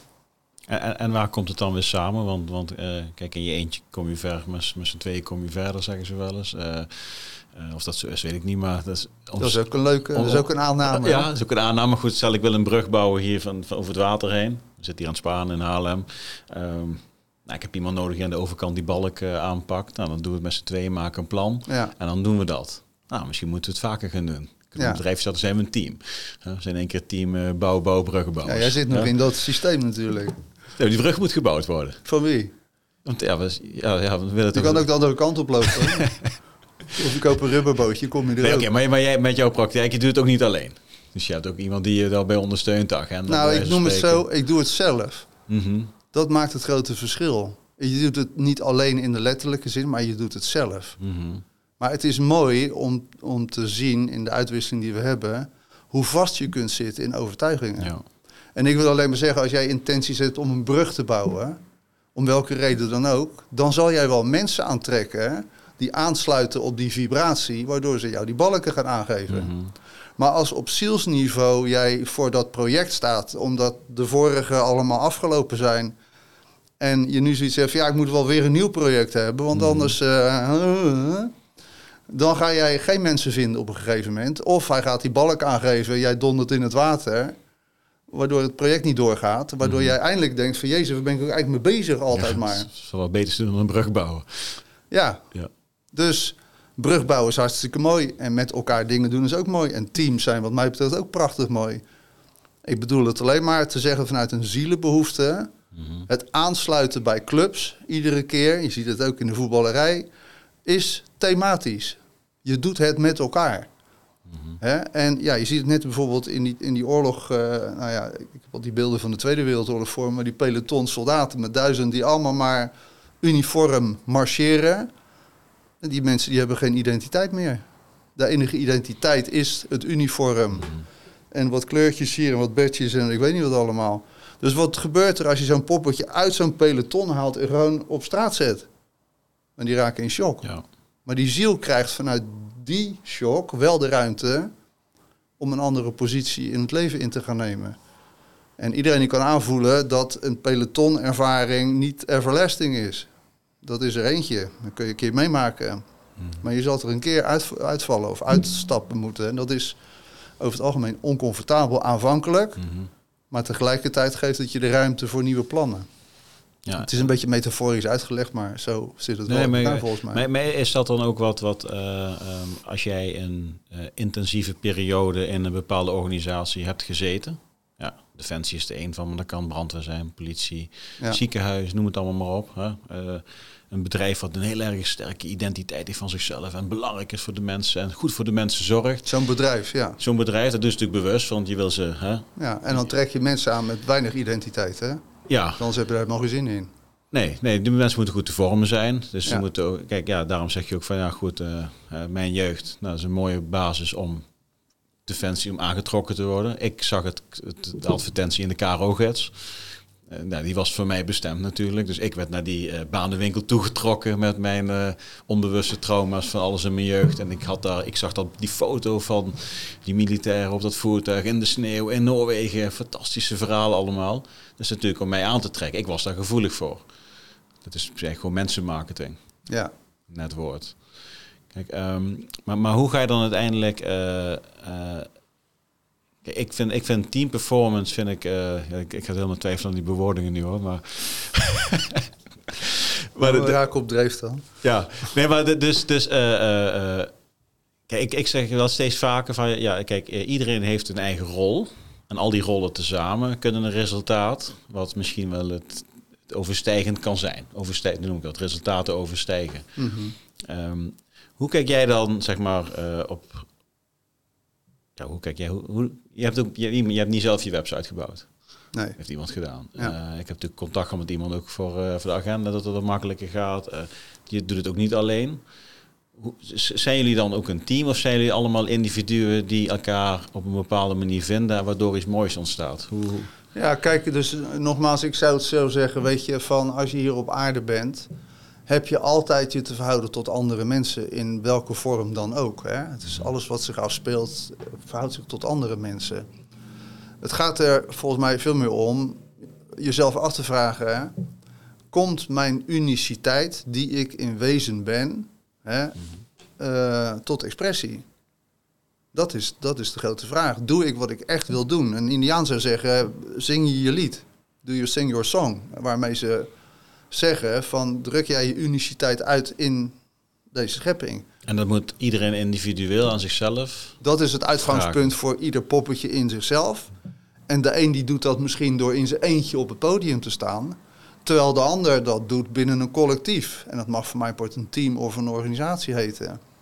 Het is alleen zo dat wanneer iemand zichzelf verliest in een team of in een collectief, of afhankelijk wordt van anderen om zijn liedje te zingen, er andere programma's gaan draaien. Dus een samenwerking is natuurlijk niks mis mee, maar het je verliezen in organisaties is natuurlijk een collectief traumaveld tegenwoordig. Want ja, ik weet niet hoe jij naar kijkt, maar ik krijg natuurlijk zoveel mensen in mijn praktijk die 40, 50, 60 zijn. En eigenlijk allemaal zeggen van ja, ik doe dit al jaren, maar ik voel me er helemaal niet happy bij. En dat zijn meestal banen in overheidsgerelateerde organisaties, afhankelijkheidsorganisaties. In ieder geval een werkveld waar je je eigen lied absoluut niet kunt zingen. Dat. Uh. En dat is voor de ziel een disaster. Dus die moet er dan voor zorgen, een keertje, dat er iets gebeurt waardoor je eruit gaat. Bij voorkeur actief, maar ja, een keer een goede crisis helpt natuurlijk ook. Mm. Dat is wat ik ermee bedoel. Dus, dus never waste a good crisis geldt ook voor het individuele ziel. Ja, nou in wezen wel. Ja, zo kan je er wel naar kijken. Ja. Maar goed, ik probeer gewoon genuanceerd te reageren op je vraag. Want het klopt. Teamwork kan natuurlijk een super misleidende uitdaging worden. Mhm. Het, het uitgangspunt en de aanname, tuurlijk een team, dat is toch samenwerken, dat is het mooiste wat er is. Ik denk van waarom? Hoezo? Ja, je kan best wel samenwerken, maar de meeste mensen die daar naar streven, die doen dat om te voorkomen dat ze zich alleen gaan voelen. Mhm. En als dat de drive is, zeg maar, ja, dan ga je vanzelf vastlopen. Want dan wordt het team jouw strategie. Wat er moet voor zorgen dat je je niet meer alleen gaat voelen. Nou, als nou je ziel daar een andere kijk op heeft, dan betekent dat er iets moet gebeuren waardoor je er weer uit ligt. Dat lijkt een crisis, maar tegelijkertijd is het een kans voor wat nieuws. En dat is wat er op dit moment gebeurt. Hè? Allemaal mensen, of veel mensen die vastzitten in organisaties, waarvan ze van binnen voelen, ja, wat doe ik hier eigenlijk? Het enige waarom ik dit doe is voor mijn pensioen, voor mijn, voor mijn hypotheek, mijn zekerheid, dit en dat. En als je dan inmiddels in wat belangenverstrengelingen verstrikt zit, dan kom je er al helemaal niet meer uit. Nee. En dan, uh, ja, nou ja, er zijn er zat. Als je dan kijkt naar, uh, wanneer was de financiële crisis? Toen destijds, 2008 of zo volgens mij. Ja. Uh, toen waren we voor mijn gevoel nog niet zo ver over datgene waar we ook nu over aan het praten zijn, die bewustwording ook. Het bewust nadenken van, goh, wat wil ik met mijn leven? Uh, Is het hetgene wat ik nu doe dan ook wel hetgene wat ik wil doen? Toen heerste echt de angst van, shit, ik raak direct mijn baan kwijt. Zou je dan nu veel meer uh, mensen hebben, laat ik het even bij mezelf houden, zou ik dan nu misschien wel veel meer gaan denken van, goh, dan ben ik eindelijk weg daar. En dan doe ik het wel met wat minder, want dan ben ik ook tevreden. Is dat het verschil ten opzichte van 15 jaar geleden dan Ja, kijk, ik wil dat natuurlijk heus niet onderschatten. Ik bedoel, ik heb zelf ook mijn natje, mijn droogje, mijn dingen enzovoort. Maar het is wel waar wat je zegt. Hè? Dus, dus je moet je wel voorstellen dat als je het met me eens bent... dat er toch ook wel hele rare agendas afgedraaid worden tegenwoordig. Ja. Dan moet je ook zien dat het succes van die agenda's... volledig afhangt van de mate waarin wij in angst verkeren. Dus angstinductie onder het volk is een voorwaarde voor die agenda. Dus hoe meer jij gelooft dat je zonder geld zus of zonder baan zo of zonder dit dat en weet je dat alles voorwaardelijk is, hoe meer je dat gelooft, hoe meer je in de pas loopt en hoe meer je kanonnenvoer blijft als het ware. Terwijl wat, maar even een voorbeeldje. Gisteren stond op teletext, uh, in 2027 is er tekort aan drinkwater en dat is niet fictief, punt. Mhm. Dus dat, dat is toch een boodschap waar iedereen meteen van gaat denken van shit, over drie jaar hebben we geen drinkwater meer. Tuurlijk. Drie jaar geleden was er een levensgevaarlijk virus. Ja. Waar iedereen rekening mee moest houden en waar iedereen voor in de pas moest lopen. En tegenwoordig moet je oppassen dat je. Ik eh, hoorde laatst een eh, prachtig mooie eh, interview op de televisie, de NPO trouwens. Dat als er een gans overvliegt over een, over een gebied van twee hectare voetbalveld, of twee voetbalvelden en daar kakt, wat ganzen dan ook best wel doen, dat daarmee de stikstofnorm al overschreden Ja. wordt. Dus we moeten bang zijn voor stikstof en CO2 ook vooral. En eh, voor dit en voor dat. Het is een continue toestroom van scenario's waar we bang voor moeten zijn. Voedsel, water, zuurstof, wat we inademen, CO2, nou de hele mikmak, weet je. Ja, kijk, je moet op een gegeven moment wel door het spel heen kunnen kijken natuurlijk, Mhm. om te zorgen dat je er niet een prooi van blijft. Dat is gewoon het verhaal, want dat is gewoon die agenda. Die wil ons in een oud systeem blijven houden en die weet, nou, hoe groter de leugen, wie was het, Eh, Goebbels geloof ik die het zei, hoe groter de leugen en hoe meer je het herhaalt, hoe groter de kans dat mensen erin trappen. Ja. En het is in your face. Ja. Right now. En ik denk dat, ja, ik denk dan maar weer die ziel, die ziet het allemaal als ervaringen. En de ervaring is uiteindelijk van jeetje, wat heb ik mij daar veel ehm, in laten sluizen, zeg maar. Dat is de ervaring.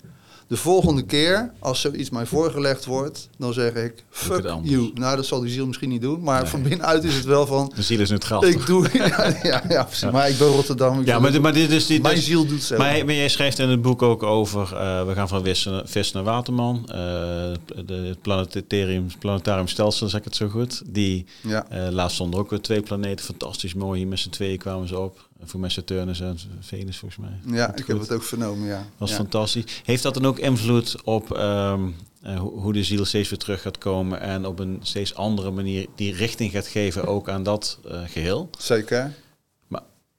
En da- eh, kijk, ik ga toch even een kant praten dan. Maar de andere kant, wie in de oude systemen wil blijven, Mhm. die heeft dezelfde sterrenstelsels toch? Of ontkennen zij dat? Ja, maar je kan, kijk, iedere constellatie... Ik ben geen astroloog voor de duidelijkheid, hè, maar het is wel een interessante vraag. Iedere constellatie genereert een bepaald krachtenveld. Hè? Eh, en dat krachtenveld, dat kan je gebruiken om dingen bij het oude te houden. Of je kan het voor je laten werken. Mhm. Dat is een bekende voorbeeld met je hamer. Je kan een hamer eh, gebruiken om iets op te bouwen en om iets kapot te slaan. Maar het blijft wel de kracht van de hamer. Dus, dus dat is het punt. Kijk, en als mensen nog te veel bij het oude willen blijven, ja, dat kan. Dan zit je nog te vast in een bepaalde ervaring. En plat gezegd is natuurlijk zo dat je dan nog dieper ondergedompeld moet worden in iets. Voordat je zegt, nou is het godverdomme afgelopen. Ik weet niet wat ik moet doen. Zeg het maar, maar ik ben er klaar mee. Doei. En dat is voor diezelfde ziel, de, daar draait het die ziel om. Weet je, je kan één moment in je leven dat doen. En voor mij part de volgende dag dood neervallen. Maar daarmee heb je zo'n bereik gemaakt. Ten opzichte van mensen die in oude systemen in een team vast blijven zitten, doelen eh, nastreven en stukken stapels oorkonden enzovoort. En als je dan op een gegeven moment omvalt, dan, dan sta je daar met je stapel oorkondes en zo. En dan gaat Petrus zeggen, ja, hoe was het eigenlijk om altijd bezig geweest te zijn oorkondes te bemachtigen? Ja, fantastisch. En dat is dan de ervaring. Ja. Zie je, dus het is wel de ja. the other way around, zeg Ja. maar. Ja, ik heb hier ook medailles liggen, Maarten. Ja, tuurlijk. Maar ik, ik, ik was bladzijde 146. en daar is inderdaad, ja, de, de, ja, de militair. eh, ik, ik, ik zal het stukje ook even in de podcastnotes printscreen erbij doen. Van dat, dat gaat daarover dus. Identiteit verlenen aan eh, de organisatie, de medailles, eh, de erkenning die we dan aan elkaar geven voor volk en vaderland. Nou, ik merk wel, volk en vaderland is, maak het maar wat kleiner. Je doet het met de mensen waar je op dat moment mee in de schuttersput zit. Ja. En, eh, en, en, en die vlag op dat moment die is heel ver weg. Die zie je pas weer op Eindhoven Airport op het moment dat de generaal er staat, bij wijze van spreken. Ehm, het zijn verbindende rituelen. Ja, eh, dat zie je denk ik overal. Eh, rituelen die ons moeten verbinden met elkaar. ja. Ehm, rituelen die creëren een bepaalde imprint natuurlijk. mhm. Die het veld nog veel vaster zet dan ze in feite zou willen. En het houdt je natuurlijk gevangen in een bepaald werkveld. Hè?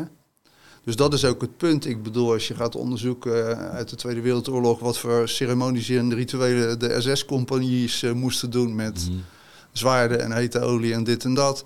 Dus uh, ceremonieel bekrachtigen van bepaalde afspraken maakt dat je er nog dieper in komt te zitten. Mhm. Tot in den dood. Niet tot aan den dood, maar tot erin. En dat klopt ook. En dan blijf je ook, ja, ik zeg het toch maar weer dat woord, zielsmatig Mhm. verbonden aan oude contracten. Maar als het je zielsontwikkeling niet meer dient, zal er toch iets moeten gebeuren waardoor je er weer uitkomt. Het probleem is alleen natuurlijk dat dat je ook weer confronteert met wat zich ooit heeft afgespeeld, zonder dat je meer ehm, terug kan vallen of een beroep Mhm. kunt doen op iemand met nog meer medailles die achter je staat. Of met een klein snorretje. Ja. Dat, dat is de zielenontwikkeling. Dat is, ja, hoe moet ik dat zeggen? Dus het geeft een andere kijk op zaken. Dat is het voor mij. En als ik therapeut ben, dan schakel ik eigenlijk alleen maar.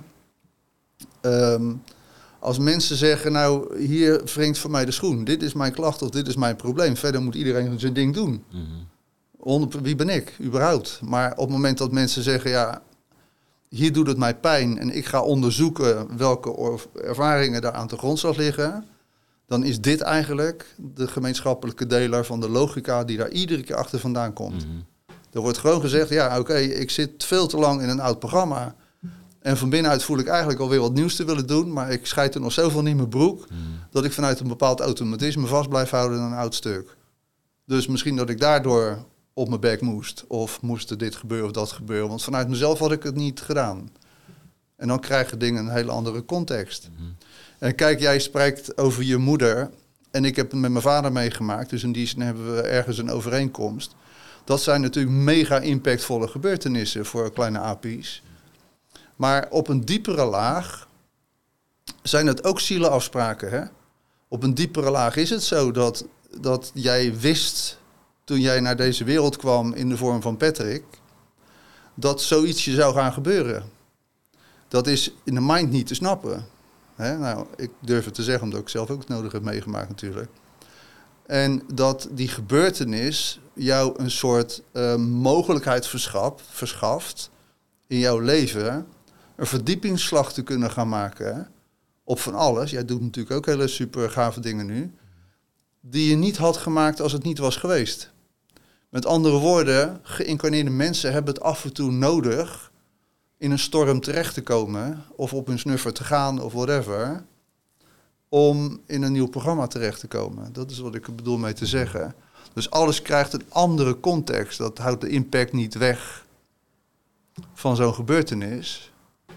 Maar het geeft wel een verdieping en een soort zingeving als je er op die manier kan, naar kan kijken. Het is dus eh, hoe. De, ik, ik ga het even voor me zien dan. Ik, ik ben even die film kwijt, hoe die ook alweer heet. Maar dat zijn ook zielen die. Dat is een tekenfilm. Die zijn dan ook boven en dan kunnen ze kiezen en dan kunnen ze weer teruggaan. Maar even de naam kwijt. Dat is ook heel mooi. Dus hoe, hoe, hoe complexere keuze je maakt als ziel waar je induikt, eh des te groter de stap kan zijn die je maakt of je gaat weer terug. Ja, het is, het is concreet in die zin. Stel, ehm, ik wil een voorbeeld geven, maar ik weet niet of dat handig is. Maar oké, ik suggereer het. Hè? Er is een, eh, een soldaat en die eh, is aan, de, aan, het werk, die is aan het vechten in een oorlogssituatie. Laten we de Tweede Wereldoorlog noemen. Die komt ergens in een situatie, die draait door. Die is eh, gefrustreerd of opgefokt of ik weet niet wat allemaal, die schiet zich helemaal suf. En op een gegeven moment ziet hij dat hij door zijn waanzin een vrouw doodschiet. Dat is een moment dat hij denkt, what the fuck gebeurt hier? Die ziet zo een vrouw in elkaar zakken als gevolg van een kogel in het hoofd. Op dat moment gaat er op zielsniveau even een programmaatje draaien. Je gaat een contract aan als soldaat met de ziel van die vrouw. En op dat moment kan jij niet meer functioneren in dat leger waar je toen nog helemaal eh, in zat. Je gaat dromen van die vrouw. Dat zijn nachtmerries. Je draait door. Je gaat, eh, weet ik veel, twee flessen whisky per dag nog moeten zuipen om de dag door te komen. Ik zeg maar wat. Wat er gebeurt in feite, als je zelf een keertje doodgaat, dat je van binnenuit niet kunt verkroppen dat jij het leven van die vrouw beëindigd hebt. En dat je de pijn die dat feitelijk inhoudt, de emoties en alles erop en dran van die gebeurtenis, dat je die wenst te beleven. In een nieuwe incarnatie kan het je moeder worden. En dan heeft die kogel, ik suggereer het, hè, maar Die kogel, die kan het gevolg zijn, of laat ik zeggen wat er in dit leven gebeurt met haar hoofd, kan het gevolg zijn van een verwonding uit een eerder leven, waardoor jij door haar sterven geconfronteerd wordt met wat je ooit een keer gedaan hebt. Niet in de zin van voor wat hoort wat, maar vanuit een intrinsiek zielenverlangen te ervaren wat je ooit veroorzaakt hebt. Dat is een karmische verwikkeling. Krijg je daar in dit leven mee te maken, dan betekent het dat de diepere zingeving van het overlijden van je moeder, dat zij hiermee jou de kans heeft gegeven te voelen, te doorleven, mee te maken, waar je ooit zelf een oorzakelijke rol in gehad hebt.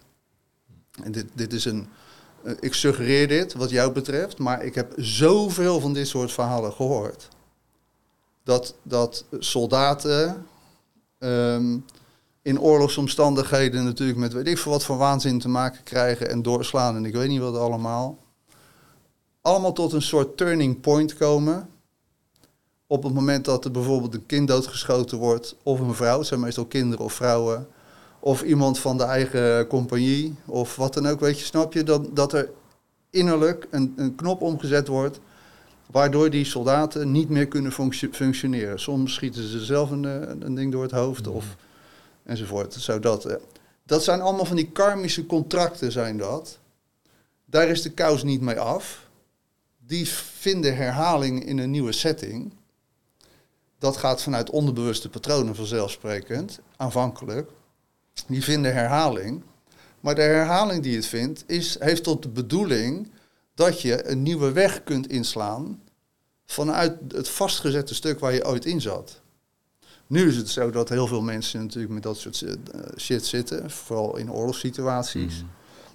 En dat de opgesloten schuldcomplexen zo diep zitten dat er best wel wat moet gebeuren voordat ze daarmee naar buiten toe komen. Maar ik merk wel dat als het naar buiten komt, als de lijnen wel gelegd wordt, alles anders wordt. Alles krijgt een ander perspectief. Je gaat heel anders naar jezelf kijken, naar je omgeving kijken. Je kunt liefde gaan voelen voor degene die je eerst haten, bij wijze van spreken. En dat veld is in mijn beleving nu de grondtoon al aan het worden. Zo, het is al bezig, mhm. gaan woelen onder de mensen, onder al die turbulentie. Ja. De grondtoon aan het worden voor de nieuwe generaties, voor de manier waarop we op een andere manier straks in het leven gaan komen. Mhm. Maar wat je net suggereert, Maarten, is dat iets wat ook in werkelijkheid kan zijn? Zeker. Ja, ja ik suggereer het niet voor niks. Ja. ja. Dus het kan in werkelijkheid. Dus ik zeg alleen, ik, ik, gebruik het woord suggereren, mhm. omdat ik je er niet op vast wil pinnen. Mhm. Maar omdat ik dit soort koppelingen enzovoort natuurlijk zo vaak hoor, en dan is het misschien ook een keer goed om het uit te spreken. Want het geeft gewoon een hele andere kijk op zaken. Wij zijn alleen maar gewend van 0 tot 50, 60, 70, 80 naar ons leven te kijken. Waarin je een hoop van die dingen moet vergaren. En dan niet per se militaire mhm. medailles, maar het zijn ook oorkondes en, en erkenning en ik weet niet wat allemaal. Op die manier wordt het ingericht en die agenda's die achter de schermen afgewerkt worden, mhm. zijn super, super afhankelijk van dit soort focus die wij hebben. Mm. Nou, hoe eerder we elkaar kunnen omarmen en doorvoelen van, vanuit die diepere lagen, hoe eerder het afgelopen is met die mhm. agenda. Ja. Nou, kinderen zijn wat dat betreft veel sensitiever, denk ik. Is dat zo? Die, die, die, die voelen... Zijn nog minder geconditioneerd over het algemeen. Ja, ik heb mijn, mijn, mijn oudste zoontje Joep, dat is die grote daar dan. Daar is hij elf, maar toen was hij denk ik uh, vier, denk ik. Uh, hij heeft maar één oma. Een ander, hij, heeft, hij heeft twee oma's, maar één oma die is niet meer onder ons. Ja. Uh, in ieder geval niet fysiek. Op een andere manier. Op een andere manier, ja, dat weten we ondertussen. Um, hij heeft, hij, had, hij heeft haar nog nooit gezien. De foto had hij nog niet gezien. Uh, en in ons leven was één oma. Dat was de oma die de oppassen. Dat was de oma die ook gewoon, uh, als de oma in het gesprek was. De moeder van je vrouw. Ja, ja. ja. ja. En uh, wij kregen de eerste keer visite van mijn tante, de zus van mijn moeder. Maar het is niet zo dat die dan plotseling op mijn moeder lijkt of wat dan ook. Nee. het is niet dat het de eerste enige visite was die wij kregen of wat dan ook. Dat was gewoon, die kwam gewoon ook op de koffie een keertje. En onze Joep loopt naar buiten toe. Die zegt, hey oma, kom je mee naar binnen? Ach, ja. En uh, tante Shani, tante Shani is het dus. Uh, zus van je moeder? Die heeft ook heel veel verdriet gehad en nog steeds voor het overlijden van de jongste zusje dan. Want mijn moeder was de jongste van zeven, zeven dochters, volgens mij, zeven of zes dochters. Oh, ja. En uh, En zij zegt van, oh wat leuk dat hij mij oma noemt. Ik zeg, dat doet hij nooit. we hebben eh, oma en, en we, gaan, ja, we gaan naar de begraafplaats toen natuurlijk destijds, maar Ja, dit doet hij nooit. Dit is echt heel, dit voelde heel bijzonder, weet je wel. prachtig hè? Ja, dus er was in één keer zo'n connectie tussen, want zij was toen nog als enigste kindje. Tussen mijn moeder, die dan in één keer als de zus van op de stoep stond daar. En voor mij voelde het ook in één keer van, hé, hey, wat is het dichtbij in één keer. Ja. Het is heel bijzonder. Maar ja, zo werkt het ook met dit werk wat ik doe, weet je. Als je deze zielsverwanten eh, er- erbij haalt op een, op een uitnodigende, liefdevolle eh, manier... Ja, dan zijn ze er ook zo bij, hè. Mhm. Dan nog even een tranen springen in je ogen. Ja, Want het laat ze niet onberoerd, ook jouw moeder niet. nee. Dat is het veld waar ik natuurlijk constant in zit. Mhm. Weet je, het maakt ook onderdeel uit van de gecreëerde illusie van de doden niets dan goeds. Wie heeft dat ook alweer bedacht, weet je wel? Ja. Maar ja, ik heb het het heel anders meegemaakt. Hè? Een keer zijn wij ook eh, Ja. natuurlijk eh, aan de beurt. Ja. En dan zijn wij ook een, eh, een, een, een, een voorouder. En alle zaken die niet verwerkt zijn, alle zaken en niet verwerkt, er mag een hoop, er mogen echt een heleboel losse eindjes zijn. Dat maakt allemaal niet uit. Maar de wezenlijke dingen, en de wezenlijke dingen zijn terug te brengen in bijvoorbeeld vaders of moeders die overlijden, maar hun eigen vader of kind of dochter nooit hebben kunnen zeggen dat ze van ze hielden. Dat zijn wezenlijke dingen. Daar kleven ze natuurlijk allemaal verhalen om aan. Die zielen die kunnen niet zomaar ineens eh, opgaan in, in, in het niks of zo. Die blijven vanuit die pijn verbonden met de op aarde levenden. Die ook nog behoeftig zijn, ook al chasen ze after de medals, behoeftig zijn om een keer van hun eigen vader en moeder te horen: hé, hey, ik zie jou, je bent mijn kind, ik hou van je, dat. Daar, daar, en daar zit zo'n krachtenveld aan vast, dat is onvoorstelbaar. Maar ja, op het moment dat wij gefrustreerd raken hierover, omdat ons daar niet iets over verteld is, of omdat het zweverig is, of omdat er weet ik veel wat vooroordelen aan zitten, of omdat het niet bewezen is, al dat gedoe meer, dan onderhouden wij dat verlangen van beide kanten eigenlijk chronisch, terwijl het puntje nooit bij paaltje komt. Terwijl de uitwisseling nooit echt ter sprake komt, snap je? En, en dat is denk ik een wezenlijk stuk, want ja, ik kan nu best wel zeggen dat ik veel belangstelling heb met, met mijn verhalen en zo. En ik heb natuurlijk ook echt heel veel gewerkt, dus het is ook zo dat ik veel ervaring heb. Nou, als ik nou van succes mag spreken, in alle bescheidenheid, dan heb ik succes omdat ik steeds eigenlijk een soort reisgids ben tussen de geziene en de niet geziene wereld, tussen die poppetjes en daar alsnog een klimaat schep waarin dingen uitgewisseld konden, kunnen worden die nooit uitgewisseld konden worden. Alsnog. Nou, je wil niet weten wat voor emoties en diepe transformaties dat met zich meebrengt. Ja. En dit is ook niet vreemd, want in inheemse cultuur hebben we allemaal ceremonies en dingen en, en shamanen voor mijn part die dit soort dingen faciliteren. Zo raar is het niet. Het is eerder raar dat we hier, hier maar geen rekening mee houden. Ja. Het, het is raar dat het in dit deel van de wereld is. Want wij zijn dat kwijtgeraakt. Precies. Ja. Onder invloed van eh, religies Ja. en doctrines en eh, dat. Ja. Er zit allemaal agenda achter. Maar iets wat me te binnen schiet. eh, eh, je schrijft in je boek ook over, ja, over hemel en hel. En dan denk ik, en plotseling bestaat de hel niet meer. Ehm, in één keer schiet het me te binnen. Ja, we hebben het weer over mijn moeder dan. Maar ik, wij moesten vroeger altijd... Ik maakte tekeningen van de hel. Dat was dan dat teken. Je tekende de duivel en vuur. Dat deden we op zaterdagmiddag. Gezellig met een bakje chips erbij. Ja, en Fanta, En ja, Fanta. Ja, nee, Fanta. Ja, Sisi en Fanta. natuurlijk. En ehm, mijn moeder zei altijd van, eh, als je liegt krijg je een zwart plekje op je hart. En als je helemaal zwart is, ga je naar de hel. Ja, Dat, dat heb ik dus onthouden. Ik heb sommige dingen onthoud je. Ja, en dat zijn die dingen die me zijn onthouden. Nou, dan heb jij nog best een leuke ruimte hier zo. eh. Maar dat is toch heftig, is niet? Als je dat... Ja, nou ja, Maar kijk, dat past wel bij de kerk en de zondagochtend dat we er zaten. En, en de, op, de, de opa van mijn moeders was een hele statige man was dat. En, dus dat zat... Ja, nou ja, tuurlijk. Kijk, maar ja, je moeder die komt ook niet voor niks met zo'n indringend voorbeeld. Dat heeft ze natuurlijk ook niet, is er ook niet komen aanwaaien. Maar het illustreert gewoon de impact van indoctrinaties.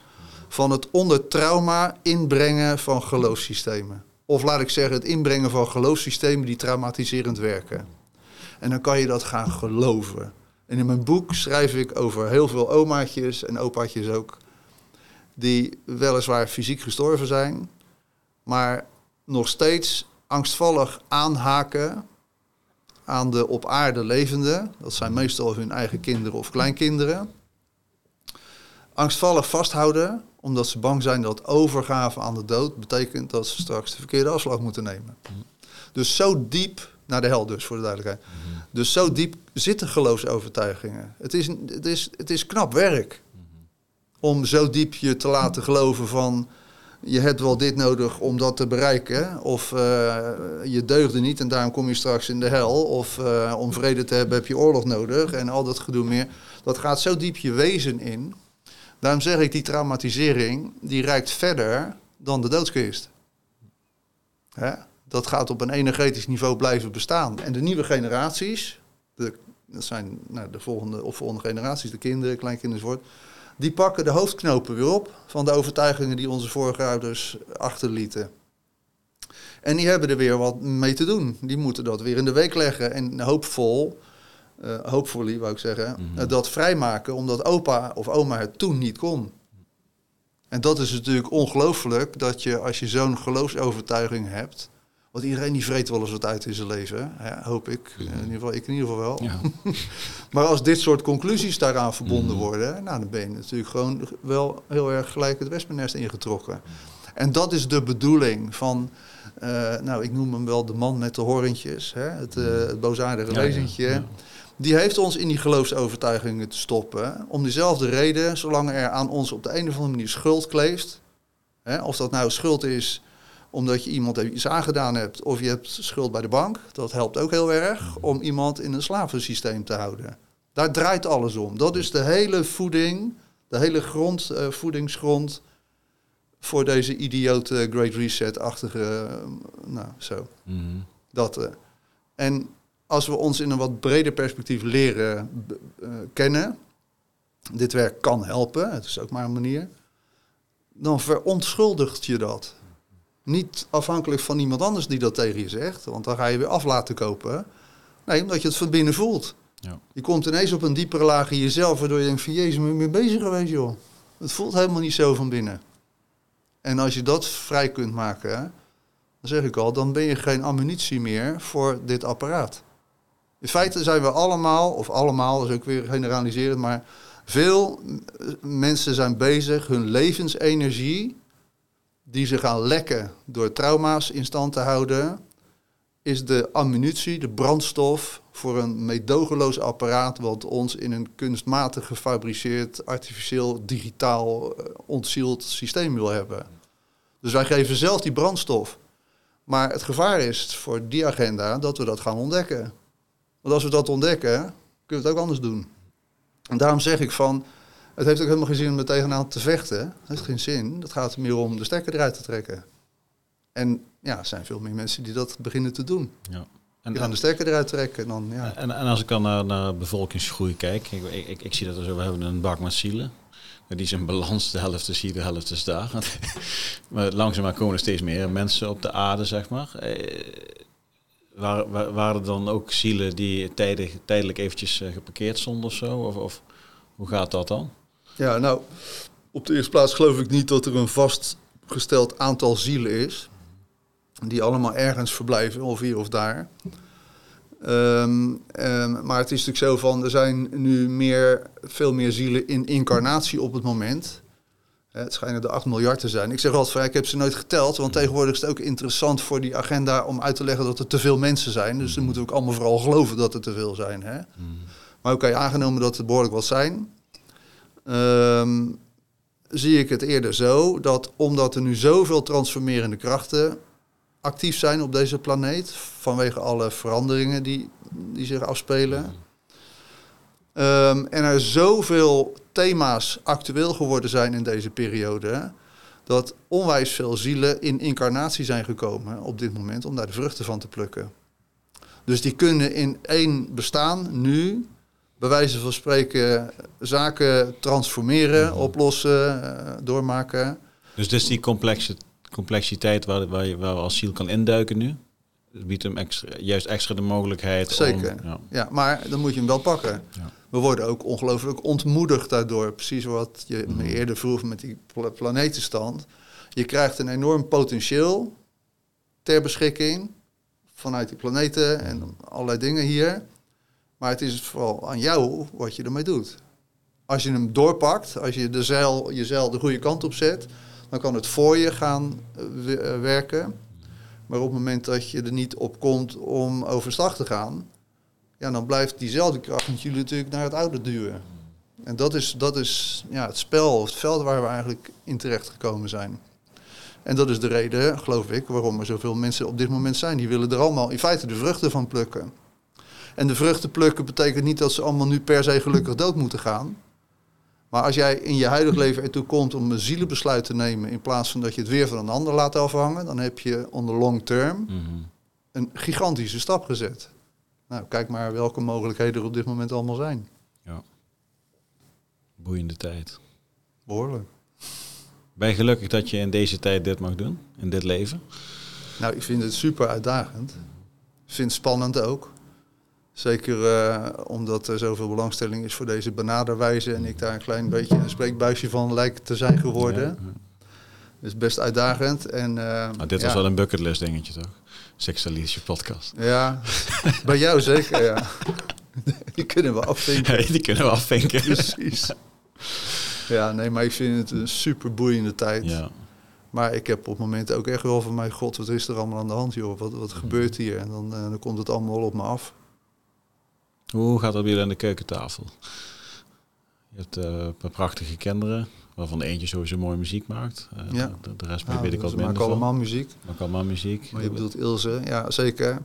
Ja, nou ja, goed joh. Ik eh, ben in de gelukkige omstandigheid thuis. eh, een leuk boerderijtje in Drenthe. Wie wil dat niet met kippen en honden en twee varkens tegenwoordig. Ja. Koot en letje. Kijk,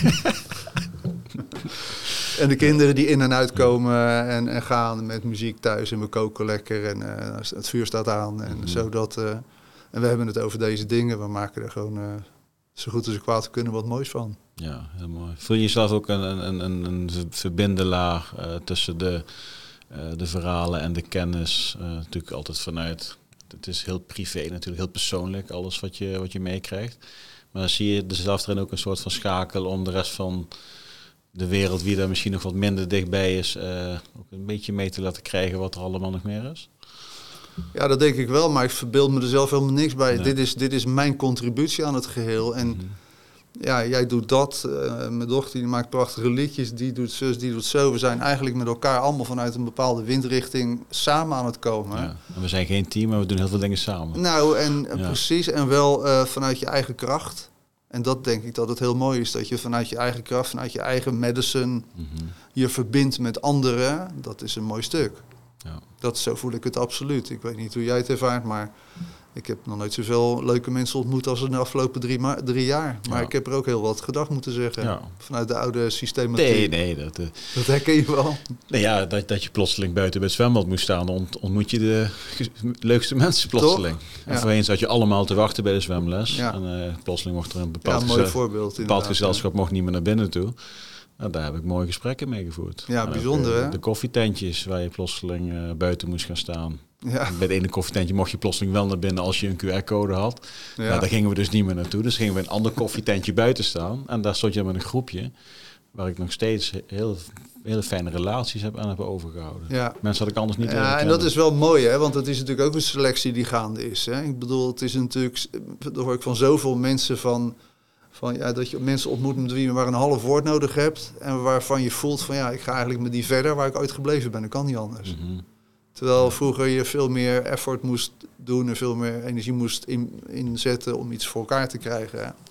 Gaat het nu vanzelf? En ik zie het zo, dat zijn ook allemaal zielen die weet hebben van de ge- dingen die hier gaande zijn. Hè? Op de een of andere manier hebben we dat met elkaar afgesproken. We komen allemaal bij elkaar en we geven het allemaal een, een, een soort draagkracht op onze eigen wijze manier. Eh, en dat vind ik ook super hoopvol, want als we dat niet zouden doen, als je dat niet van binnen voelt, Mhm. Dan, dan, dan, dan eh, kan het ook nergens naar leiden. Hè? Dan, dan, is het, dan is het bij voorbaat donker. Dus het feit, en dat zie ik ook aan mijn cliënten. Hè? Een van de meest, meest hoopvolle eh, aspecten van het werk wat ik doe, is die ongelooflijke diepe motivatie die cliënten voelen van binnenuit om tot een andere uitkomst te komen dan de voorgaande. En ik denk ja, als die motivatie er niet zou zijn en er wordt hier een zwartgallige agenda uitgewerkt die ons naar een plastic wereld wil leiden. Waarom zouden we dan zoveel moeite doen iedere keer om weer iets moois op te zetten? Mhm. En dan is dat ene, die zielenkracht, dat, dat hele diepe, eh, vele malen sterker Ja. dan iets wat op leugens en ellende is gebaseerd. Ja. Daar geeft moeder aarde geen vruchtbare bodem aan. Nee. Maar, de mensen die, bij jou komen, die, die zijn ook wel heel ver in een traject. Ah, niet per se hoor. Je, je, je, jij weet al wel van, goh, Maarten bestaat, en dat is één. Ik weet wat hij doet. Eh, ik, weet, ik heb ook enigszins vertrouwen dat het eh, iets voor me kan zijn. Eh, wat vindt de buitenwereld ervan, ben ik al overheen. Ja. Eh, dus dat zijn wat bepaalde hordes die misschien al genomen zijn. Of ga ik nou te kort op de Je bedoelt voor de gemiddelde cliënt. Ja, ik wil dus op zoek gaan naar datgene wat er in mijn vorige levens is gebeurd. Nou, dat is een best spannende vraag voor een eh gemiddeld Ja, mens maar ik- dat moet nuanceren, want kijk, ik zou op die vraag niet eens eh, antwoord geven. Weet je, ik noem dat reïncarnatietoerisme. Het, het- ik, Mhm. ik ga gewoon, nou, plat, keihard uit van een probleem. Ik wil weten waar het pijn doet. En, en meestal, in eerste instantie, gaan we op zoek naar de oorzaak van die pijn Mhm. in het familiesysteem. Opa die geëxecuteerd werd, oma die te jong doodging, Mhm. eh, ongelukken, ellende, dat vind je altijd. En dat zijn allemaal Ja, weer sorry, gevolgen ja. van voorgaande eh, Ik generaties. zeg, ik zeg het inderdaad verkeerd. Het, het, het, mensen vinden jou op basis van een kwaal. Ja, Niet omdat ze geïnteresseerd zijn wat er vroeger gebeurd is. nee, Da- dat- daar zit, daar zit eh, wellicht een oorzaak van de huidige kwaal. precies. Zo zeg ik het goed. hè. Ja. ja. Maar wat ik hoopvol vind, is dat als mensen deze benadering instappen, dit werkt, nou ja, dit werkt, wat is het? Eh, regressietherapie, verwerkingstherapie, weet ik veel. Een weg naar Rome, zeg ik altijd. Hè? Niet de, maar een. Ja. Dat ik wel zie dat gemiddeld genomen mensen heel snel tot inzichten kunnen komen op de juiste, op, als de juiste vragen gesteld worden. Heel snel hebben ze zoiets van, jeetje, heb ik echt nog nooit bij stilgestaan. Ik voel ineens een heel ander ding naar mijn pa of naar mijn broertje of naar mijn zus of naar mijn zo.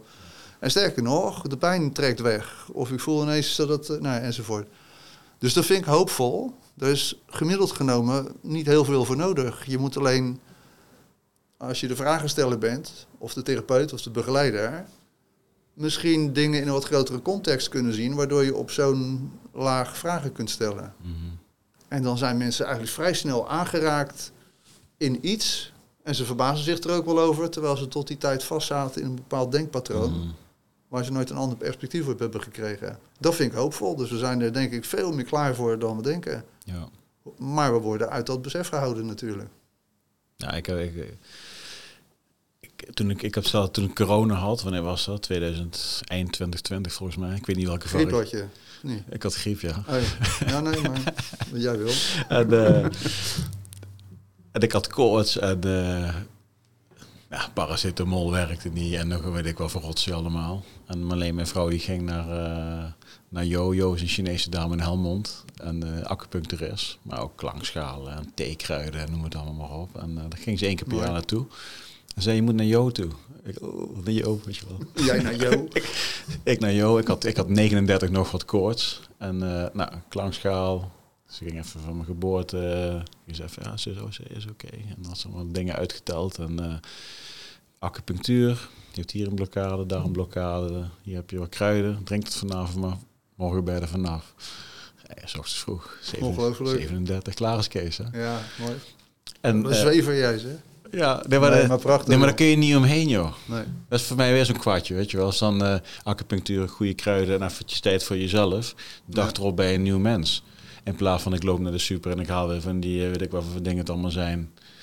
Je gaat je er steeds slechter door voelen. Ja. Letterlijk en figuurlijk. Dus Ja, omdat, je, omdat je je zo slecht voelt, misschien moet ik het dan maar twee doen. Ja. Werkt ook niet. Kijk, dus dat is een de, andere benadering. dus dat hè? zijn zeg maar de praktijkervaringjes op klein niveau. Eh, wie ik dan ook ja, tegen vrienden, ja, nee, ja ik ging naar Jo in Helmond. Ja. Yo-yo. Ja, Geweldig. ja dus is yo-yo-effect. het yo-yo-effect. Ja. Ja, mooi. ja. dat is helemaal. Maar ja, dat is natuurlijk ook wel leuk, want je noemt dit, weet je. Kijk, ik, ik heb nou, de laatste paar jaar nog nooit zoveel belangstelling gekregen hè, vanuit alle hoeken. Mm. Als een reïncarnatietherapeut, man. Hoe alternatief wil je het hebben? Ja. Hè? Voor heel veel mensen is dat echt zo van, je kunt niet eens uitspreken, bij wijze van spreken. Dus alles is veranderd. Al die alternatieve invalshoeken, eh, acupunctuur, homeopathie, eh, zelfonderzoek, weet ik wat allemaal. Ineens komt het volop in de picture te staan. En dat is ook wel mooi en ergens ook logisch. Hè? Want als je in dit werkveld al lang bezig bent, dan weet je ook wel wat het waard is natuurlijk. Mhm. En dan denk je, jeetje zeg, het zou voor zoveel mensen mooi zijn als ze wat meer bezig gingen met hun familieonderzoek, met dingen. Het zou zoveel vruchten afwerpen. Maar ja, kennelijk moet eerst, ehm, moeten mensen eerst griep krijgen. Ja, zeg ik een beetje cynisch. Ja.